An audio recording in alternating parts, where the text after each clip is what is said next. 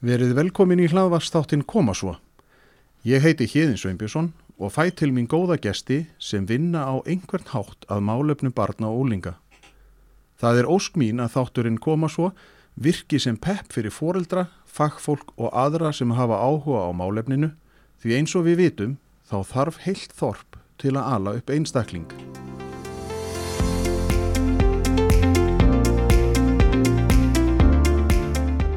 Velkomin í þennan hlaðavarsþátt að koma svo þar sem að uh, í dag er viðmælandi minn fyrst og fremst fadir en er þekktur fyrir að vera knaspinu þjálfari, álitskjafi, útvarsmaður og, ja, og bara hvað sem er held ég, ég veit það ekki, allt múlimann. En hver er viðmælandi koma svo í dag? Ég, ég heiti Þorkild Máni Pétursson Þorkell Máni Pétursson. Og hvað er, hvað er hérna, hvað hefur Þorkell Máni Pétursson unnið sér til fræðar? Ég veit ekki hvað maður hefur verið frægur fyrir. Ég er nú helst uh, frægur fyrir það að vera mikið strigakjaftur sko og segja hlutina bara alltaf eins og mér finnst það að segja þá. Já. svona mjög uh, frjáluslega oft og allir sé náttúrulega ekki þekktastu fyrir það að vera útvarsmaður þó ég gerir nú ímislegt annað. Ég uh, reg nú hérna umbúðskristof sem heitir Paxal og er búin að rega hana í, í ég, hvað það er að verða ansi mörg ár. Þau fyrir að vera tíu þegar heldinu kemur sko. Paxal. Já, Paxal Okkur er Pax, eða er þetta eitthvað með exi eða? Nei, Paxal eh, kemur út af því að að einu sinni var ég að umba rockljóðastýr í bæ og uh, það var nú þegar ég var nú uh, líklega 30-40 kilóum þingri með mikinn kvíða og uh, þá var mér út þá var mér fekk ég að læknisraði Paxal töflur sem sló á kvíðan og síðan náttúrulega fór ég náttúrulega bara og tók uh, bara á því í ræktinni og svona og losaði við kvíðan með alls konar uh, kunstum og, og hugsunum og pælingum, pælingum og hérna og þá var ég raun og veru bara þessi rockljónasta niðurtúr sem tók þessar paksaltöflur síðan var þetta líf, þetta kvíðarlíf tekið að marka, þeir hringdu reglulega eftir helgar og báðum að fá paksaltöflu og fengu hana hjá mér úr glasinu. Og síðan eh, var þetta líf tekið að markaði og þegar að koma því að ég ákvaða að stofna uppbúðskrifstu og fara bara að gera þetta einhverju business þá hérna, þá fannst mér þetta nafn vera mjög viðandi Já, þannig að þetta er svona eitthvað grín, ví, eða vísun í alvarleg þetta, já, ekki alvarlega mála, þetta er vísun í þennan tíma Já. þegar maður var í þessu og, Ég gleymdi því náttúrulega, þú værir, ég gleymdi að kynna þessum að þú værir umbóðsmaður líka. Já, ég er náttúrulega kannski með já, tvo bræður sem gera það helviti gott oft Já, og er nú kannski ekki, ég eru ekki af stöðinu sem ég vinn á ég segi nú kannski uh, hvað ég er twisted karakter Já, þannig að þú, þú ert opinn fyrir, en þú myndir nú ekki vera fulltrúi klassíkjarna. Nei, ég er náttúrulega bara rockari. Út í það óendanlega og hérna, já, ég er mikill rockari og umba samt uh, tvo poppara og annan er ég búin að umba bara já, bara 8-9 ár Já, ok. meira og minna og, og hérna og bara mjög skemmtilegt ég er þannig umbásmaður sko, ég get ekki til dæmis eða bara það hefur að gera með allt sem ég gerir sko, ef ég gera ekki eitthvað ástríðu og þykir ekki væntu verkefni þá get ég ekki gert það, svona hef ég ekki verið að taka mér neina artista og ekkert verið að stækka við mig eitt eða neitt sko. Nei, en það er skiljanlegt, maður verður náttúrulega að brenna fyrir kannski já, maður verður að brenna fyrir verkefninu. já, en það er sko, það er oft hann sko í, uh, ég segi oft sko ég er lélur kapitalist að þessu leiti sko að hérna maður hefur oft fengið tækifæri til þess að taka kannski meiri hluti yfir og, og vera með fleiri artista og annað sko en ég uh, svona síðustu tvö ára í bara, nei svona, já bara svona síðustu fjögur ára í bara er verið með Friðrik Dóri Jónsson og síðan ákvæði svona eh, taka bróður hans uh, það sem hann var eiginlega bróðin uh, fjölskyldumæli í minni fjölskyldu líka sko þannig að sko að það, það ég út af það, þá var ég að gera það líka sko. Já, en e, þurfum við ekki að ræða það hvað hérna, það er nú einhver, sko ég finn hérna konflikt að þegar nú ég kópósbúi, já, þú ert garbaðingur og þeir eru haffinningar, er, þú ert, þú ert flókin mannvera. já ég er mjög ég mjög flókið mannvera eða veist, ég En- segi það nú ég, ég held náttúrulega alla mannverur sé bara það er oft sem við höldum að við séum flókna mannverur en alla mannverur eru í grunninn nákvæmlega eins. En kannski kemur það bara óvart að því maður reiknar ekki með að, að, að svona rockari og þú veist þú segir, hvað sagður, strega kjaftur. Já, sko ég er náttúrulega í fæ launað fyrir það að vera strigakjaftur. Ég er náttúrulega launum við það og Já, hann náttúrulega starriðin og að vinna í útvarpi og í svona þætti eins og ég geri þá er það það en, en það er eh, sko ég er allt önnur uh, típa. Já, og Sko- svona fyrir utan það. já, það er uh, ég, ég er ekki, það er bara sko allt, allt annar karakter sem er í útvarpinu heldur en er heima fyrir kringum hana fólk, það er ekki sami maður, sko maður er svona en það er oft vandamál, eins og núna erum við til dæmis í viðtali. Og ég hef oft ekki máða þegar ég hef farið í viðtöl að þá hérna þá lendi ég í því að fara í karakterin ég maður, sérstaklega minnlegt að ég ákvað uh, Björg Magnúsdóttir hring- frá Rúf hringdi í mig og spurði hvort ég vil taka þátt í ykkur uh, koma og vera gestur í júru og svo þetta. Og ég hugsa alveg, já, ég kannski verð það. Ég bara að passa mig ég, og síðan hugsa ég bara, "Æ, ég ætla bara að koma inn og vera bara nokkuð jolly á því og vera ekki með hennan hróka og, og, og, og, kjaft eins og ég er alltaf með. Síðan var bara, byrjaði fyrsta kynning og uh, allt í hennu bara það voru ekki leina 30 sekundur að voru í koni karakter og búin að drulli yfir allt og alla sko. en, en er það ekki bara svona það er, þú veist, Eurovision er þannig. Maður bara verður að hafa leifi til þess. Jú, jú, en þetta er sko, þú veist, það er líka kannski kostur að, þú veist, þeir sem þekkja mig og því meiri sem fólk kynnist mér, að þá hefur maður oft svona svigurum til þess að vera svona hróki í mínum, mínu sveitafélagi þá, uh, þá þykir mér stjórnmálflokkur sem þar hefur öllu stjórnað frá stofnun uh, bæjarfélagsins. Uh, þar sér í Garðabænum, ég finnst hann algjör drastl og, Já, já. þú veist, og það er al, alveg vita mála að ég er ekki sko hrifin af þeim stjórnmálflokki sitt líkum sko. Nei. gott fólk. Það bara, hefur ekkert með hlutin að gera heldur bara, ég held náttúrulega að þetta verði bara svona með alla pólitíkus að það er farið pólitík þetta verður allt skrítið. Og hérna og, og, og, og það er ég fæ alveg sko svigurum fyrir að vera annar skoðunar en fólk og það er bara gefið leif fyrir því, þú veist, þetta er bara þegar ég segi svona hluti þá er bara, þetta er bara máni Já, þetta er bara mán og, það hefur engin áhrif á vinóttu mína við þetta fólk því að, að mikið af þessu fólk gerir miklu vinni mínu sko. En er ekki, er ekki bara líka þannig að þú ert bara, ég minna, þetta er bara, það ætlast allir til þess kannski að þetta sé bara máni, ég minna, og maður ætlaðist bara alltaf til þess að hemmi væri hemmi og hann væri bara fyndin og ekkert stress bless, Já, eða hvernig jú- það er, sko. Jú, ég held það, en það er líka, sko, það er líka leiðilegt að koma sér í það hlutur. Ég get orðið mjög leiður á að vera Já. ég, sko.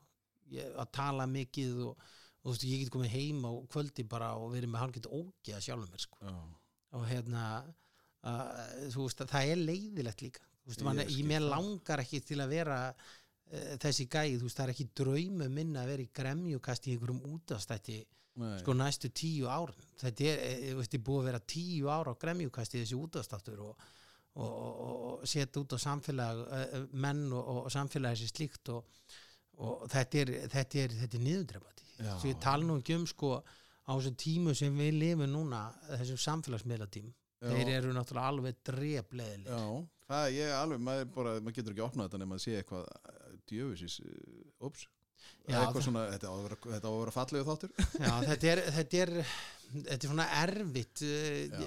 sko, það er svona ég sagt að svona draumum minn er alveg að, að þegar ég hætti í útvarspinu þá slökk við á þessu, ég náttúrulega er markþjálfi, búin að klára námi því og þá að vinna með einhverja unga menn og bara gert það svona þú veist að mínu að vera að vinna með unga kallmenn varði þetta, varði hitt og þetta þeir eru oft svona stefnulausir. Já. varði bara að setja markmið og vita hvert þeir eru að fara í lífinu og svona kannski bara svona fókusera það á þessu upp.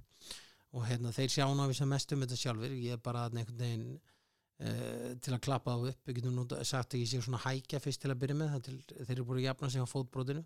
Já, og hérna og, og, og, og það er miklu meira gefandi og veist, það er miklu meira að vera sko að vinna með uh, tónlistamann uh, eins og Friðrik Dór Jónsson sko sem ég er búin að vera lengi með og, og, og Jón Bróðars, þetta er hérna það er miklu meira gefandi mm. Veist, það er mjög gaman veist, að vera búin að umbekun flippara sem var í R&B að gera R&B tónlist og, og var hérna, ég spilaði ljótulækjefni á ótastöðinu minni að sjá hann halda tónleika fyrir þrítusaldur uh, sko fyrir tróðföllu kaplakrika. Það er bara, er, ná- veist, það er mjög gefandi að sjá það og hérna og það næri mann svona meira. Þe- þetta er kannski líka það sem maður gerir eins og fólk sem er að vinna í félagsmyndstöðum og svoleiðis að maður sko, þegar maður sér svo ávinningin sittna mér veist, að, að það er eitthvað sem gerist að maður er bara, já, ég, hérna, ég áuruglega 5% í þessum. Ná, nákvæmlega þú veist uh, sko, maður manna mitt eftir svona momentum að sem, sko, einhvern veginn lappaði ég inn á okkur tónleikastað og var nú frekar niðurlútur og,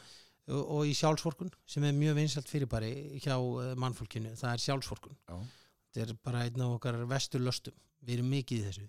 Og ég var svona einhver sjálfsorgunarkasti og þá hitti ég unga mann sem ég þjálfaði í fótbolta og hann sagði mér að ég var eitt besti fótboltþjálfari sem hann hefði haft og ég bara vissi ekki hvað hann að tala um sko því að ég myndi ekki eftir ég hafi verið svo góð fótboltþjálfari þá rifjaði hann upp einhverja ákvæmna sögu af því að ég, við hefum gert eitthvað þegar hann hefði verið niðurlútur sko Já, og lendi í ykkur fótbroti og ég hef eitthvað verið að peppa hann upp. Og þú, þú veist, ég lappaði sko út uh, sko alveg tveim metrum herri en ég lappaði inn á staðin sko og ég var alveg hættur að vorkenna manni mér og hérna og þetta var atrið sem ég var lögum búin að gleyma en svona, svona atrið þú veist að eh, sko að gefa eitthvað af sér og skilja eitthvað eftir þú veist, það er kannski þú veist, það er meira nærandi heldur en að vera að rífa kjaft í útvarpinu eins og hálfviti það er bara, þú veist, það er en fyrst þú nefnir þetta, eins og og með kennara þú veist, ég get sagt þeim sko marga sögur af frábæru kennarum sem ég átti Já. og síðan öðru kennarum sem voru hræðilegir, hræðilegir og bara lélegir og hafa aldrei átt að fá kennsluréttindi sko. já, en sko eh, þessi kennarar sem sita eftir sko, og hérna, veist, á skýta launum og, og, og þetta er fólk en er samt að gefa af sér. Já, og þetta er svona fólki sem mér finnst að ætti að vera samkvæmt öllum skilgreiningum okkar hamingjusannasta fólki í þessu samfélagi. Vandamáli er að samkvæmt rannsóknum þá er það ekki. Nei, og það þýr eitthvað að við farið úrskeiðis í okkur sem samfélag, því þetta Já, er þessi störf að vera hjúgrunafræðingur að vera kennari veist, vinna með sko ungu fólki og, og, og vera svona, þú veist, bæða að gefa til samfélagsins og fá okkar borga þetta er fólk sem ætti að vera hamingjusannasta fólki í heimi. Eh, allavega á þessu landi já, já, en að þetta fólk er sko hægt að vera hamingsamt út af því að eh, það kannski nær ekki fyrir skuldur sín, launin eru léleg eh, kennslan leðileg, hvað það er. Mm, þá erum við ekki á góðum stað sem samfélag, því að eina sem sko ætti í raun og vera að vilja að maður vilji vera kennari eða vilji vera þetta og þetta og hitt er að, og þegar maður er að sko setja verðmið á hamingjunum sinni líka. Ég þarf ekki að vera ókslega ríkur ég þarf ekki að vera þetta því að mér veist meira máli skipta í þessi hamingjum En það er náttúrulega það sem að, kannski þeir sem að fara inninni að gera, það er að því að þú ætlar ekki, sko, þú ætlar ekki að vera ríkur að því að þú ert að fara að gefa, að því að það er annað sem þú ert að fá. Já. og það er að vinna og fá þetta feedback, sko, þegar þú færð litlu hlutina, klappið á bakið sem við hefum svo eftir að tala um á eftir að því að ég veit að, við erum að fara að ræða um málefni sem er þér mjög hugleikið náttúrulega og þess vegna fekk ég þáttinn að, að hérna, þetta, eru þessi litlu hlutir eins og þú segir, að þú ert niðurlútur og svo kemur einhver og segir bara já, ég man eftir hérna þessu dæmi og sem að þú ert lungu búin að gleyma kannski. Já, og þú ert náttúrulega búin að hitta miljón manns og vist ekkert, þú veist, jú, jú, kannski náttúrulega manns þá sem ert búin að þjálfa í fótbolta. Mm. en, en eigum við þá aðeins að, að því að þú nefnir kennaran og svona, hvernig hérna hvernig var skólagangan? Er, er þetta hefbundið garbæingar líf bara hérna hvað heitir þú? Ég get alveg farið með bara alla skólagönguna sko. það er sko í Hofstæðaskóla þá var ég eh, og það var mjög fýtt tími 69 ára, þannig séð mjög fýtt tími að hérna Uh, ég átti sem er skólastjóra, ég minni hann að hafa lamið okkur með priki, en það kannski var tíðarandi þá. En sko, hann var mjög Þú ert ekki frá átjöndöldinu, það Nei, nei. var ekki hægt að berja fóð pönnina þegar þú ert en í skóla. var, en hann var mjög góðu skólastjóri. Já. uh, hérna, sko ég nefnd og hann var ekki lamið okkur með priki en hann var alltaf með prik sko sem hann labbaði með um svo við förum nú ekki að segja hann hafi lamið með priki hann Hilmar Ingólfsson vinnu minn. Já, já, en ég var með skólastjórar síðan sé Hilmar Ingólfsson já, og hérna og hann var mjög skemmtileg típa. Það var alltaf svona eitt atriði sem er svona eftirminnlegt með það. Sko, hann var kjæltaleg góð maga og, skólastjórna að það var eitt skipti þegar ég gekk inn á skrifstofuna og hann var að fara að skamma mig eitthvað og það endaði þannig að ég gjörsanlega öskra á hann gekk út og skellti hurðinni og labbað, og labbað heim. Síðan labbaði ég allavega heim og, og þegar ég kom heim þá beð móð mig upp uh, uh, við eldursporu og spurði hvað gerst í skólanum? Og ég fór að segja henni það sko og þá hún mig það, Hilmar eða hringdi þá var Hilmar, eina ástæðan fyrir Hilmar hringdi var til að segja, herru, svonu þinn kom inn og öskra á mig og sko skellt í hurðinni og kallaði mig bjána og skellt í hurðinni. En ég ætlaði að hringja í því áslu til að segja, sko, hann svonu þinn hann verður að fara í pólitík, sko, því að sko, eftir að þegar hann labbaði nú þá hann rétt fyrir sér. Nú, og já, já. hann sagði hann hafði rétt fyrir sér. Og veist, og þetta var ósangjart af mér það sem ég gerði og mér, hann stóð bara við, við sínu máli. Hann, hann var hann einmitt, og hann kendi mig það. Og veist, og, þú veist, og þegar maður lappar út svona gamall sko nýjar og gamall út frá, og, og maður man þess að sögu eftir það og kenda mann það sko að það er allt í lægi sko að standa á rétti sínu líka gagvart þeim sem er ræður sko. Og hérna, og því síðan fór ég í flataskóla Býtu, var Hofstaðaskóli bara já, hann var bara til nýjar, þetta var mjög skrítið skóla hér í Garabænum Já, síðan fór ég í flataskóla og þá var það þannig að hérna, þar var ég hérna, þar eh, var mikið eh, var hún sem er mikil vinkonu mín. Og hérna sko var síðan mikið vinkonu mín. Og hérna hún, eh, hún lagði mikla áherslu á að sko gera okkur sko að betri námsmönnum. Að segja þú veist og maður fann það í þeim skóla að metnaði fyrir því já, að gera okkur að, að betri hérna námsmönnum með okkur tossana sem voru þarna og veist uh, svona hálgera tossa þarna. En, en er þetta skilgreinið þá sem tossa? Nei, Eða- ég er myndi ekki að gera það sér slíkt, ég bara, það kemur raun og senna, þú veist, það er kannski Varstu en bara það- líflegur? Já, ég var mjög líflegur. Ég var náttúrulega sko algjörlega ofvirkur, það var Já. náttúrulega ekki komin greining á neitt líkt, sko, hún kemur náttúrulega miklu setna, sko, Já, síðan fer ég í garðaskóla eftir það, að er, og þá er maður komin í grunnskóladeildina. og ég verð alveg að segja að það var uh, svo stopnun uh, var hreinn og klár viðbjóður. Og uh, það er að segja garðaskóli sem ég var í, garðaskóli í dag ég fann það þegar ég fór með svonum minn núna þar í gegn, sko, sem er alveg að blíflegur og papsinn, sko, fór með hann núna í skólan já, að þú veist, það bara, þú veist, ég lappaði inn í húsið og bara kom ónóta tilfinningin já, sko, og, og, og, og sko, ógeðis sem ég upplýði þeim skóla alveg yfir mig, sko. Og En- ég segi náttúrulega samaskapi, já, að einhverju hluta var það mín sög sem, eh, hvernig ég var í garðaskóla því ég var náttúrulega mjög líflegur og annað og, en síðan voru alls konar hlutir það sem sko var raun og veru bara andlegt ofbeldi. Það sem var sko verið að reyna það sem ég man að ég sat á svörtum bekk svo tímun og skipti. Mætti klukkan átta á mótnana til að sita á svörtum bekk sko allan skóladaginn það til ég var tilbúin að viðurkenna að ég hef gert einhverja hluti sem ég gerði ekki. Og það var mikið í það og þetta er svona einn af löstu mín mörgleitt í dag og hefur komið til dæmis mjög illa átti að eitthvað hefur komið upp á í útvarpinu að ef mér finnst ekki að ég hef byggðast afsökunar þá eru engar líkur á því að ég byggðist afsökunar. Því ég lítið á þannig að þessar grunnskólagöngu minni þarna þá var það þannig að, hérna, að ég var eh, skal ég segja eh, að þá var ég bara búin að játa á mig alls konar hluti sem ég aldrei gert út af því ég var óstílátur en þetta átti náttúrulega ekki við um alla kennara það voru þannig kennar eins og Ragnar Gíslason heitinn gjörsalegt gulla manni e, sá maður og Sturla Þorstirsson og og það var margt svona sem maður sko, því maður læri rosa mikið af læriföðurum sínum sko. Já, já, þeir sem sko koma með hugmyndar og það, og, og það margt sem þeir gerðu þessi tveir menn sem ég tók með mér síðan inn í þjálfun og líka bara inn í uppbyrti drengjana minna sko. Og það voru svona þetta svona tveir menn algjörlega frábæri stopnunin sem slík var hræðileg. Og ég var sendur tvísvar í sko pró uh, út af móði mín baðum það að ég er sendur í pró Ok. varði hvort ég væri með aðtilísbrest og ofirkni og niðurstaðan úr því var að sko að ég í hvort er ég greindu með það og það sko síðan meira hefur það verið haldið fram að það hefur verið náttúrulega prófin hafi kannski ekki verið mjög sko skilmið það hefur raun og veru verið að ganga út frá að menn væri bara vittlausir eða væri með ofvirkni.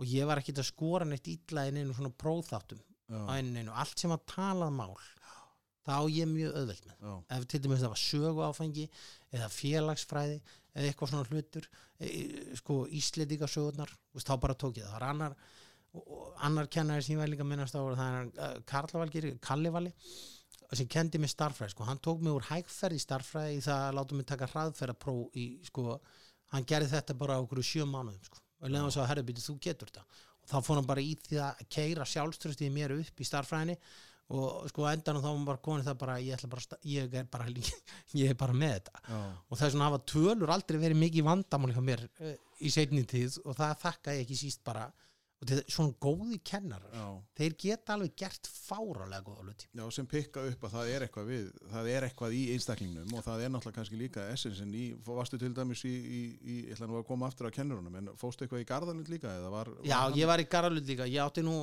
sko, já, átti alveg í útustöðum þar við fórstöðumanninn á sínu tíma já, og, uh, og gæti svo sem skammast eitthvað í fórstöðumanninum en ég held hins vegar sko að ég verð alltaf að gefa fórstöðumanninum það að sko fórstöðumannin hann sá þegar ég var orðin sko betri og þroskaðari maður. Já, að þá hérna þá uh, sko fann ég strax að hann var bara ánað með mig. Og þú veist ég fann sko að hann glattist yfir því að mér gengi vel. Já, skilum mig. Og, og, og, og maður fann svona þú veist kannski hlutir sem hann gerði fyrir mig, þá er ég nú bara að tala þú veist, þá er ég bara orðið 25-30 ára gammal sko, ok, já, sem, því að hann er ennþá þar. Já, ég veit að að að, að við erum að tala sérst um Gunnar Ríkardsson Já. sem er búin að vera, hann er nú bara stofnun í stofnunni Já, og hann hérna að þú veist ég eh, svona, þú veist uh, sko fann það Gunnar uh, sko þegar ég sko kringu tvítusaldurinn er búin að fara áfengismið fyrir annar og taka minni en þá finn ég alveg að Gunnar er glaðu með þetta og, og ég fundi þá all samskipti við Gunnar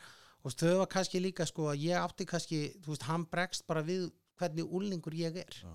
en síðan þegar hann sér kannski herrbyrð, það er bara rætast úr þessum unga manni hérna, að þá hef ég kannski alveg freka fundið að Gunnar er kannski meira til að gera eitthvað fyrir mig heldur kannski margan annan. Og því hann er bara ánægð með það að mér hafi gengið vel. Mm. og þess vegna get ég eitthvað þótt ég hafi átt í útistöðum þannig við, við uh, Garðalundin og þeim tíma og alls konar hluti sem ég hef kannski verið ósáttu við.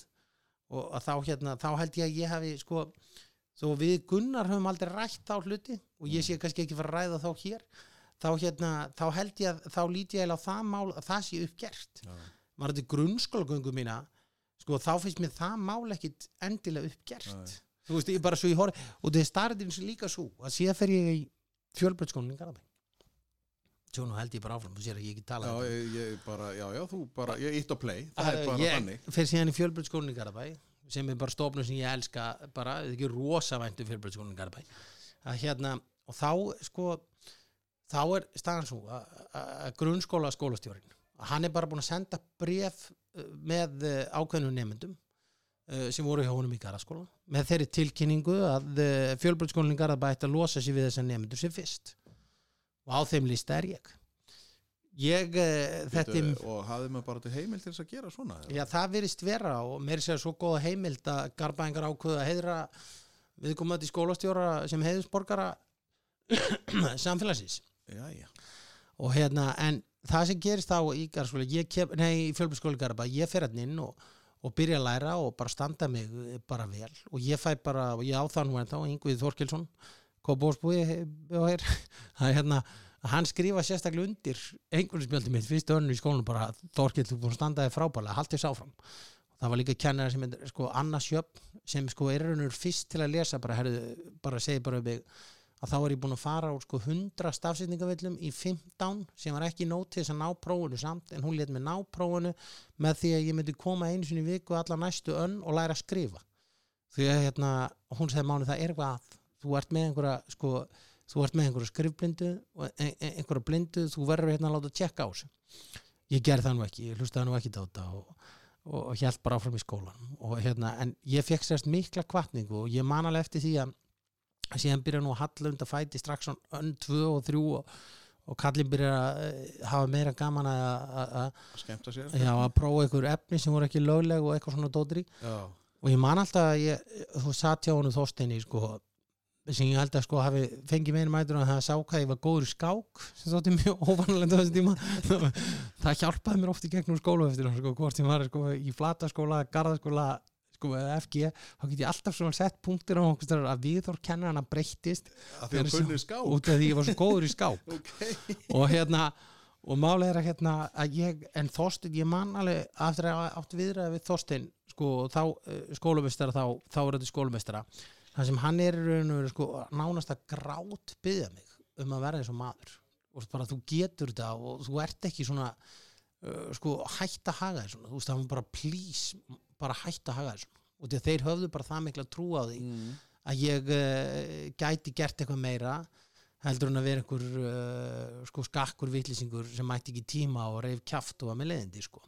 En, en, en eh, sko, ok, ég meina nú er náttúrulega þú ert á þessum tíma, ég meina þú ert náttúrulega hvað, þú sagðist vera fættur 76, þannig við erum að tala um 14 ára þá er það hérna 90 þegar ekki, þetta er náttúrulega 90 til þú veist, 92 já, þetta er náttúrulega á, þessum, á þessum árum sem að er hérna myndir af fullum krökkumnir á Hallarisplani og þú veist, þetta var svolítið strempin tími þetta var svona, nei, veist, það, var óbúslega drikja Já, ég var raun og veru hjælt mér alveg frá þessu alveg þetta ég kem upp í fjölbröðskólan Þannig, og var það þá að því að þú varst í stjörnunni eða semst varstu Já, ég var þá í íþróttamaður? íþróttum aðeins og, Já. og, og, svona, var, var svona að reyna að tella mig trúum að ég get orðið góður íþróttamæður allir sem að sé mér hefa mig þeir viti það að ég er ekki minn einar hefingar sko í það að vera góður íþróttamæður Ok, og hérna þeir og, verða þjálfarar eða, eða, eða dómarar? Já, já, þetta er og sama sko, þú veist að ég er taktlaus líka og get ekki sungið og þess að ég er umbásmaður Já, og hérna, maður lætur svona drauma sinna Já. ræta bara á einhverjum öðrum levelum. Já, já, og hérna, en ég en málega er að ég, sko, síðan ég náttúrulega bara reikin á fjölbætskólanum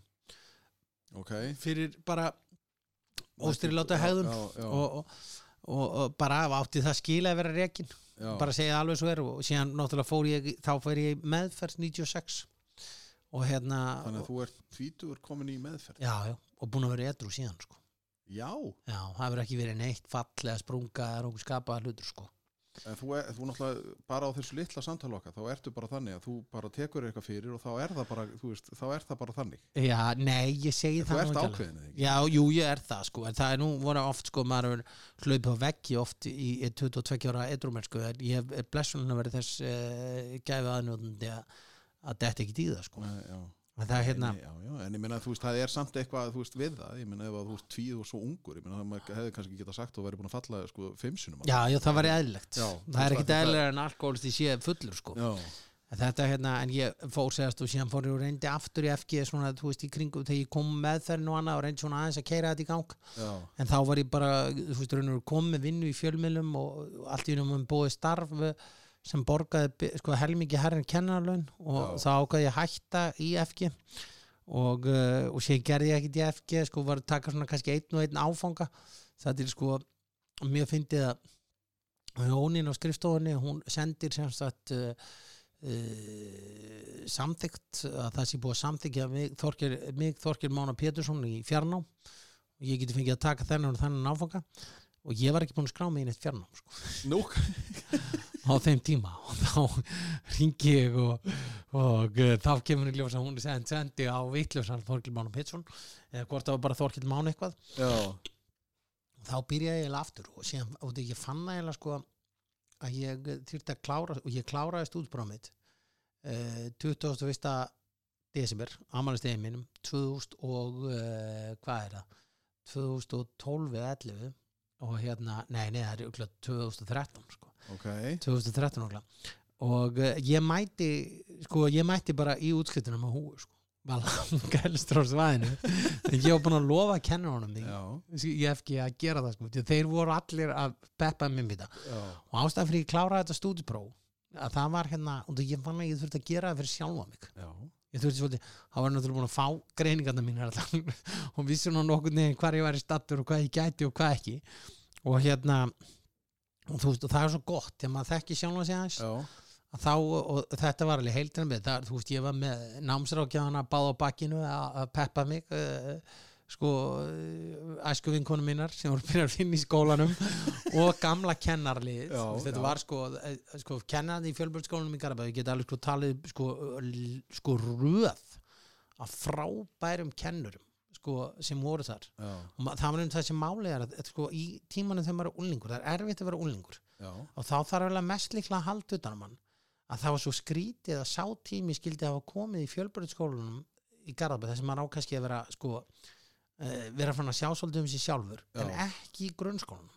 En hann kom með mitt sko að þegar ég lapp inn í FG þá finn ég að það var alveg sama hversu eh, sko slæmur og leðilegur uh, bjáni ég var að það var alltaf þetta fólk þú veist, það vildi mér fyrir bestu já, og veistu, ég held að sé með marga þannig sem hafa kvart fjölbyrðskólinn í Garabæ út af ykkur að þeir sko kveði hann ekki með einhverjum heift og illum, þeir fundu það bara sjálfur og þegar þeir vera eldri, kannski lapp út núna og reyðir, en þeir vera eldri svona og líta tilbaka, þá hugsa þeir er, veist, þetta, þetta fólk var að reyna að gera mig vel. Og þetta Já. fólk er alveg ennþá rosa miklu vinni mínir og uh, hérna, ég fór líka í skólanum fjölbyrðskólinn í Garabæ í fjögur ár eh, sko Uh, sko bara daginn sé útskrifa sem var mjög fyndi og skemmtilegt líka sko.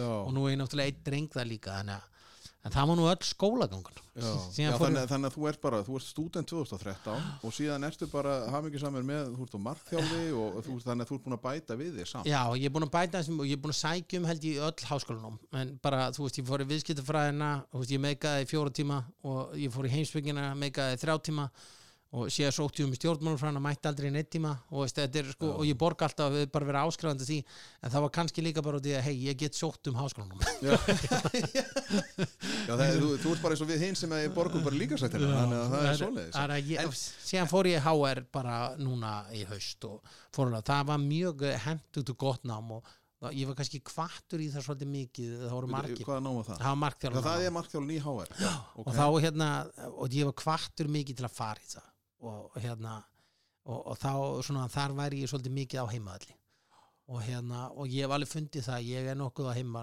heimavelli í þessari markþjálfun, kannski miklu meira heldur en í mörgu öðru sem ég tek með fyrir sko. En eigum við þá ekki að, að tengja það bara við, ég meina þú ert náttúrulega þá í íþróttum sem krakki og mikill stjórnum að eru vendarlega já, já, og það því vendarlega ekkert að ræða það meira við þig að því þú sagðist að þú hafði það markmið að knetsetja mitt gamla stórvildi breyðablík í kvennafólkstanum já ég, jú, það, segðu okkur frá, segðu frá hérna þjálfaraferlinu. Ég, sko, ég er náttúrulega að byrja að þjálfa hjá stjórninu sjötálka og Örn Ólason sem fær mig til þess að þjálfa hjá sér eh, sko vera aðstöðuðlega á sér. Og ég byrja að vera aðstöðuðlega honum í sjötta og það var bara mjög skemmtilegt. Haldur Orri var í því liði. Nú, já, já. þannig að ég þjálfaði hann og fleiri góða sko og þú veist og ennþá skemmtilega minninga með það. Síðan er ég bara hættur að þjálfa og ekkit og þá hitt ég allir ég var að selja manni út af sölsingar sem heimtar að ég fara að þjálfa haugana í fótbolta. Og ég fór að þjálfaði hauga í fótbolta í fjögur ár og eignast það líka fullt af góðum fjölum og vinum. Þeir koma á stundum innamerindir sem lærið þar og, og hérna og, og, laga ykkur hluti heima mér og, það eru miklir sko toppmenn og þeir eru margir verið að gera gott í handbóltan og mann er alltaf fyllt þeim. Já, síðan sko fer ég að ætla ég raunur að hætta þess alveg og hætti síðan í útvarpinu og þannig og ég er að drepastu leðilum og þá fer ég að þjálfa fjölni í kvennakraspindinni og hérna, ég man alltaf að ég mætti á þann fund og það, og það er nú ástæða fyrir því ég var sko og kannski þetta kvennafótbolta ég hef mikið verið í kringu kvennafótbolta það er að sko alla vinkonum mínar, æsku vinkonur þær voru alltaf í stjórnunni í meistarafloknum og annað og, og ég mætti alveg að horfa á leiki þar þó væri ekki, og við voru kannski 10-15 já, Árið já, þeim já, tíma, já, sko. og hérna það voru blíka langbæsta liði sko. og hérna og ég mætti alltaf og, og, og, og, og horfða þar og þess, sko, þessi stelpur alltaf bara og ég, eh, bara í garðabænum var maður alveg bara upp við bara góðan sko, sko kvennafótbolti var mikil smittin veist, og hefur bara alltaf verið það þú veist, það var alltaf verið partur á okkur samfélagi og ég man þegar ég fór fyrst á fund hjá fjölni uh, og sækjum starf og þegar voru að bóða okkur þjálfa að þá voru þeir eiginlega bara að tala um kallafótbolta og það var margir búin að um eitthvað og lala og ég, ég er nú bara til í að tala um kvennafótbolta sko. Og þegar mér fannst það ekki til að tiltöku mál sko. Nei, nei, já, það skipti mig engum máli hvort kynsvar sko. já, og, hérna, og það verður úr, ég fyrir að þjálfa hjá fjölni og gerði það í þrjú, fjör ár. Og það eru á þar en þá margar góða vinkonur sko, sem ég þjálfaði í sem kom ég að með kepplugingana í meistraflokk og þá voru þær, þá er notar anstæðingurinn kvennakleifan sko þegar hann kemur og þá voru þau búin að skrifa á já, veggin til mín þegar við komum inn sko. Og keflingarnir löpuð inn sko, og þá voru þær búin að skilja kveðju til mín og mér þóttu náttúrulega ótrúlega væntu það sko, og hérna og ég er ennþá í sambandi við sumar að stelmar heyri reglu eh, svona alltaf að tjekka hvað er að frétta og svona sko, á þeim sko. Og hérna, og síðan fer ég yfir í stjórnuna aftur heim.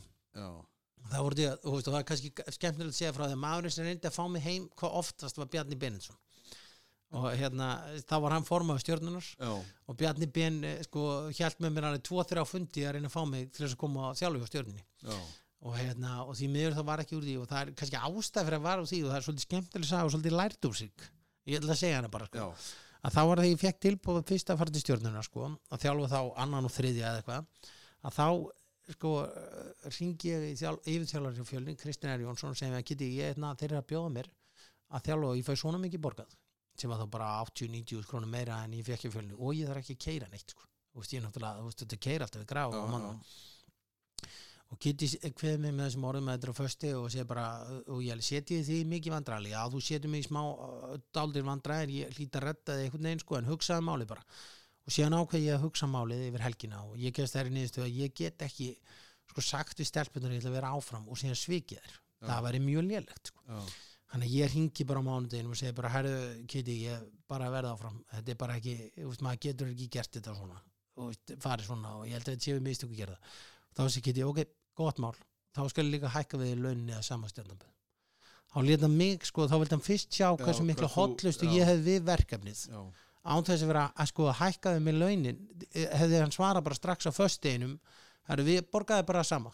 Þá, eh, þú veist, þá hefði þetta kannski verið ísíval en ég ekki verið eins ánæður já, en ég var náttúrulega ennþá ánæður með þessa ákvörðun og síðan fannst mér þetta vera mikið kennsla í því sko að hotlusta, hún borgar sér oft já, og það er, og það er náttúrulega hluti sem við getum alveg rætt endalust af því að það er bara, manni finnst bara fólk sko, skiptum vinnu, svona bara ég skiptum nærbjöksu, sko. Ég, ég er ennþá í sko 11 ára starfi hjá Reykjavíkuborg þannig bara, og þú búin að vera í útvarpinu þá þetta lengi, sko.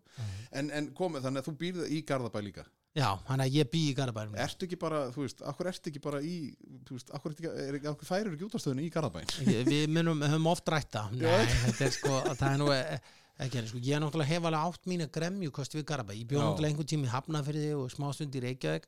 En sko en málega er hins vegar sko að, að, að, sko, að, að það segja oft, oft var sagt við mér svona jafnöndur um bara býrð þú í Garabæ? Öllum mönnum, þá ætti þú sko þessi ko- sko andi sjálfstæðismæður sem þú ert, þá ætti þú öllum mönnum ekki að búa í Garabænum. En málega er hins vegar sko maður þarf að sko elska rótina sína saman hvort þú sé góða slæm. Þú veist, það er bara partur að því sko að komast í sátt við sig. Já, og hérna, og þegar ég náði svona einhvern veginn að sko átta mig á því, þú veist að Garðabær hefur kannski fært mér alltaf besta og vesta kannski í farið mínu. Uh, Erpur Eyvindur svo góðbóðsbúið segir alltaf að Garðabær sé svo Þískaland alltaf besta og vesta komum Garðabær að hérna að þá svona, þú veist, þá er maður líka ánæðari með sjálf og mér finnst mi- miklu máli skipta, svona skrítið ofta mér finnst fólk einhvern veginn sko tala gegn því að við séum með þjóðurniskend þar séum við séum stoltið að vera Íslendingar við séum stolt að vera þetta og hitt þú veist, ég er stoltur að vera garbaðingur sko. þú veist, þó við garbaðingar stöndum yfirleitt ekki fyrir nokkuð skapan hlut og, og ég erum öll eins veist, þá er samt alveg sko, þá er bæjabræður og þú veist, og það er svona lítil þorpstemning í þessu og, og hérna og, og, og, og, og, og já, ég, þú veist, mér finnst Garðabærin frábær og ég bara verð þar eh, einn daginn, ég stofnaði náttúrulega ungu maður félag ungra alþýðbandalagsmanna sem hétt Búrkvalur og það var eina dýri sem æti kólkrabba og ok. var það yfirlýst margt með að fella sjálfstæðaflokkin í já. Garabæ og þú veist, allir verði ekki hérna það til ég er búið að taka stað en þetta er bara, þú veist, ég er alveg kópásbúi náttúrulega í húð og hár, en ég er að vesturbæðingu fyrst og fremst, af því ég er fættur í vesturbænum Já. og ég bý í vesturbænum. Og svo þegar kom kirkjugar í kópói þá er ég bara, ég þarf aldrei að fara út en ég náttúrulega þarf að vinna svo í vesturbæ Reykjavík sko. þannig að þetta er svolítið svona, en mað, ég finn þetta en, á sínu tíma þegar ég var allast upp og maður var að fekk bílbróð og svona, og þetta var bara því þar bjó bara fólki sem var að vinna eitthvað strannastæðar Að, það, það var um svolítið þannig sko. þetta er hérna, ég, sko fyrstu þrjú ára sem ég lifi þá bý ég inn í fyrugrundi Kópaví sko. já þannig að þú ert kópós Svona, það er sýsti mínu finnst mjög að fyndi að segja þessi Kópavísbúi já, ég, ætla, ég, ég, ég tek þetta bara en, núna ég, en það er, ég, ég vil náttúrulega koma því til skila strax að það er í hákákurinu þannig að það gengur alveg upp sko. En segðu mér, ok, þannig að, að má þá reikna, má aflega þá vera þannig að þú ert náttúrulega búin að ferða að þjálfa svo hjá stelpunum eða ekki, Jú, Stjörnunni. eh, stjörnunni og það er náttúrulega líka sér heimur af því ég var náttúrulega viðlóðin hérna breyðablík á sínum tíma því að konan mín hún tilherir semst gullaldaliði breyðablíks og það að vera með og fylgjast svo fekk ég nú heiðurinn að þjálfa minni vöndu á sínum tíma Já, já. þegar- í kringu 90 og það er náttúrulega bara tvent ólíkt að þjálfa held í stráka og stelpur sko það sem er ólítið í, það er rétt, er í, þú veist, það er svona kannski svona að sko Uh, sko það, kú- því að kynin eru ólík Já. alveg saman hvort menn vilja meina eitthvað annað. Það sem er eins og er sko sem, eh, ég er til dæmis sem er mikil talsmann þess og mér finnst við algjörlega hafa brúðist knaspindur hengið í því að sko eh, að konur verið þjálfa. Nefnum vöndu þarna, þegar ég er að þjálfa í deildinni fyrir uh, það er að vera 11-12 ár síðan vákvæður að þá hérna skal ég segja, þá eru þrjú liðin sem eru fyrir óa mig og eru betri en ég. Það er Káar, Valur og Breðablík öll með kvennþjálfar Já, þannig að það var El- Elisabeth Helena og Vanda. Og, já, Já. og veist, þannig að sko, þau eru öll með kvennþjálfara síðan kem ég þarna titurinn á eftir sko, og að koma hann inn. Og það virðist einhvern veginn vera lenskan að því er einhvern þjálfara stjóp losna hvenna megin, að þá er alltaf svona eitthvað, "Herri, þessi ungi kallmaður hér, hann er rosa klárið þetta og lalala ég eh, hef til dæmis að er þeirra skoðan ég held til dæmis að konur séu betur þess fallnar að þjálfa kannafókult ofta tíðum sko. en hins vegar þá eru konur oft svo mikla kallar en bara þær vilja fá kalla til að segja sér hvernig á að vera í fótbolta bara sorry, þú veist það er mm. Ég, þegar ég var þjálfari á fjölni og frábær þjálfari mér náði ótrúlega góðum árangi þegar ég var þjálfari á fjölni og það var, sko, ég segi það oft það var frábær þjálfari sem ég kennar þetta og þetta er í elniður og hún þjálfaði alla stelpunar upp og hún var svo ljúf og góð. Og hún var svo góð manneskja sko. Og hún gerði það svo tæknilega góðar og það voru svo góði, góði leikmenn. Og síðan fekk ég þær í hendunar og einu sem ég gerði var, að- var að öskra á þær og kallaði þær auðmíkja og þær gerði ekki þetta og þetta og og láta þær berjast. Og fyrir vikið var ég alltaf með góð lið sko, já, og meðan hún var kannski svona, það var svona jójó hjá henni þegar Já. hún var með og síðan kom ég og gerði ekki neitt öll færnin sem þessar stelpur læri fótbolta læra þær hjá Elin sko. að þú, bara, já, þú, en þú bara byggðir einhvern veginn á því en bætti svo bara við ég hérna, bætti öskrunum bara við Já. sko, þú veist, og, hérna, og þetta, en þetta er, þetta er ólíkur heimi, það er alveg rétt sko, en þetta er en hérna, en það, máli er hins vegar það sem ég upplega strax í fóru þjálfa og svo gaman að segja frá því líka að nú er, sko, einn vinur minn byrjar að þjálfa stjórninni meisturlokkenna og hann er búin að þjálfa sko lið í efstu deild kalla öll þessi ár og einn færasti þjálfari sem ég þekki til og hérna bara fáið sem vita eins mikið um fótbolta á hann. Hann tjálar um þetta líka sko, þú veist að stelpundur út að setja eitthvað upp hjá þeim gera eitthvað hluti og það er svo mikill í þeim. Já.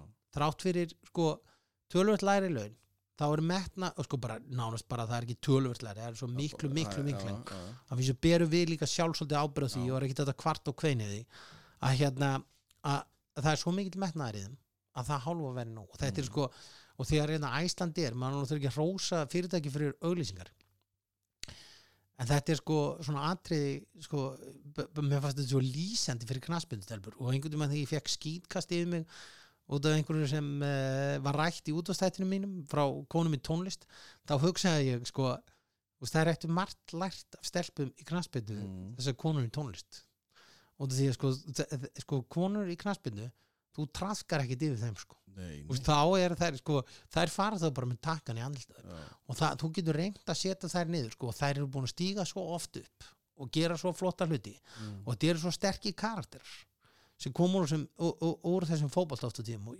með þetta saga Garðas grínisti sko, hún segir alltaf að það hafi hjálpað henni heilmikið í gríninu og annað að hafa verið knaspindukon Já. og og mér finnst það alltaf eh, sko, mér finnst það alltaf mjög skemmtilegt að heyra þetta sko, Já, já. hjá henni og hérna ég, að þetta, er, þetta er svo mikil karakter þú, þú segir þeim ekkit eitthvað að þær get ekki eitthvað og eitthvað sé svona. Og þú heyrir þær til þess aldrei kvarta sko yfir hinn og þessu.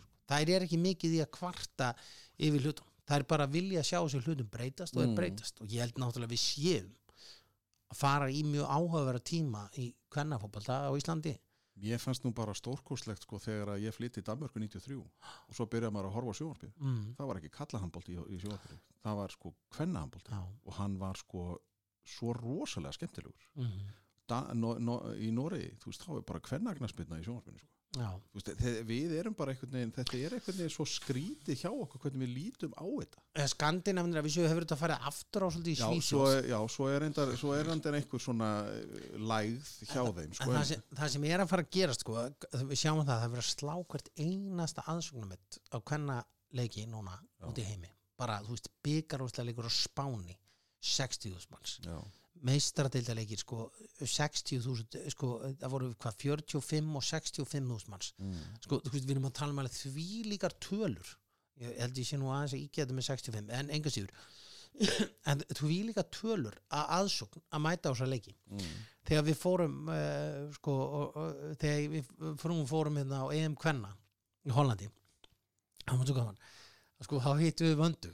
Og fyrir þetta, þú nefndir hann og hann með tárin í augunum sko, mm. að þú veist, hún var bara, þetta er svo geðveikt að sjá bara einhverja 3000 íslendinga já, mættir á EM Kvenna. 3000 íslendingar mættir á EM Kvenna. Mm, þetta er veist, þetta er magnað dæmi og málið er þetta, við, þetta mun alveg vera svona. Mm. við, sko, þetta mun gerast hér alveg að sama og gerist annars þar þetta, þetta er svo íþróttugrein sem er hvað mestir sókn og ég hef engar áhyggjur ég bara segja alveg sér, ég hef engar áhyggjur af hvernakvæmsmynd Nei, ég meina, er ekki handbóltin líka komin á stað, körfuboltin er komin í stað, Jú. þetta er bara, við, en við þurfum láta bara að fóðra, við þurfum bara að fóstra þetta, við þurfum bara, þú veist, það þarf, íþróttarhefingi þarf líka að taka stelpunar og veita, Já, við þurfum að, við í Garðabænum ætlum að uh, vera með uh, announcement, veit ég að Garðabængar ætla að vera með eitthvað, þú veist að þeir ætla eitthvað svona að reyna uh, spynnaði fótum og reyna að jafna uh, launumun mm, knaspinu megin og, og hérna og, og ég vona það sé líka bara þá eitthvað sem félögin fara að taka upp sko, menn fara svona aðeins að hugsa "Herru, hvernig getum við gert þetta meira uh, fengi fleira fólk á völlin því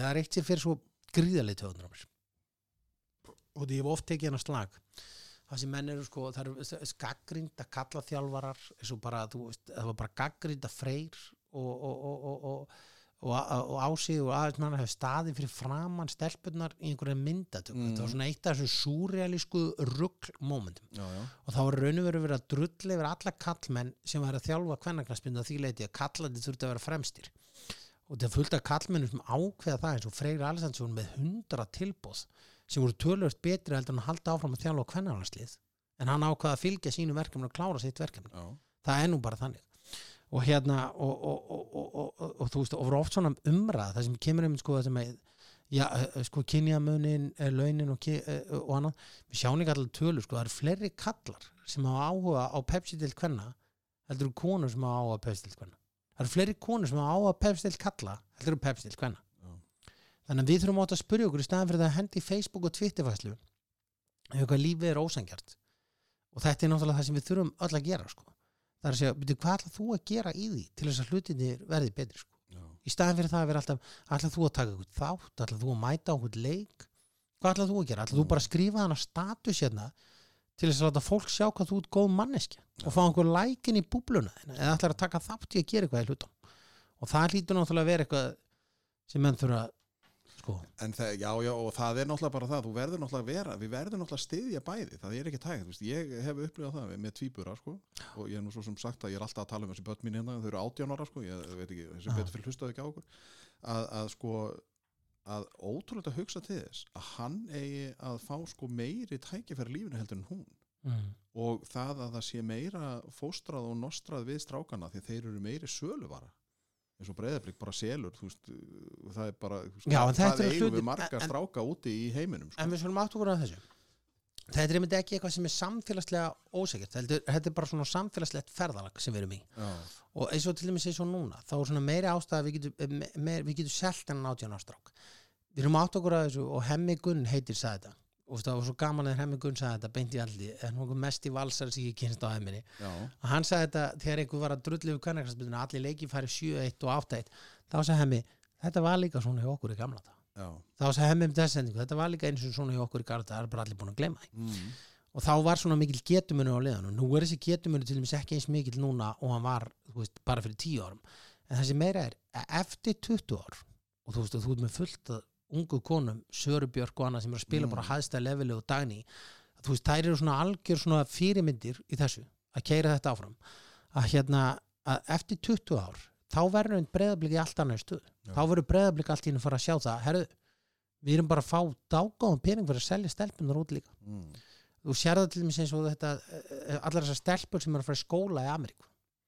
Og, og þegar kanin er að gera meira jafnbreytið að kemur þessu aldrei við. já, og þú veist, það varum við að spyrja hvort þetta var ekki slæmt fyrir deildina. Þú veist, ég, þetta er mér bara hluti af atvinnum sko, fyrir þessar stelpur að fara að æfa í miklu betri aðstöðum, mm, miklu betri sjúkraþjálfun miklu betri alla hluti og að vera að borga skólagjaldi er í leiðinni og þetta er náttúrulega bara svona einhver hluti af einhverju atvinnum sem er í gangi í þeim. Þetta á eftir að breytast og við höfum eftir að sjá það. Þú veist, ég er út fann að spila meistaradildalegi Voru að spila meistaradildalegi í áttalið veist, með allan að fjörda 40, 50 manns á og leik hvað það var sko. Að hérna, þá, þá ertu náttúrulega að fara að tala um að það er að koma tekjur inn í þetta. Mm, þegar þú ert með 40-50 manns á vellinum þá veistu að það er komin áhugi og komin gríðalur áhugi.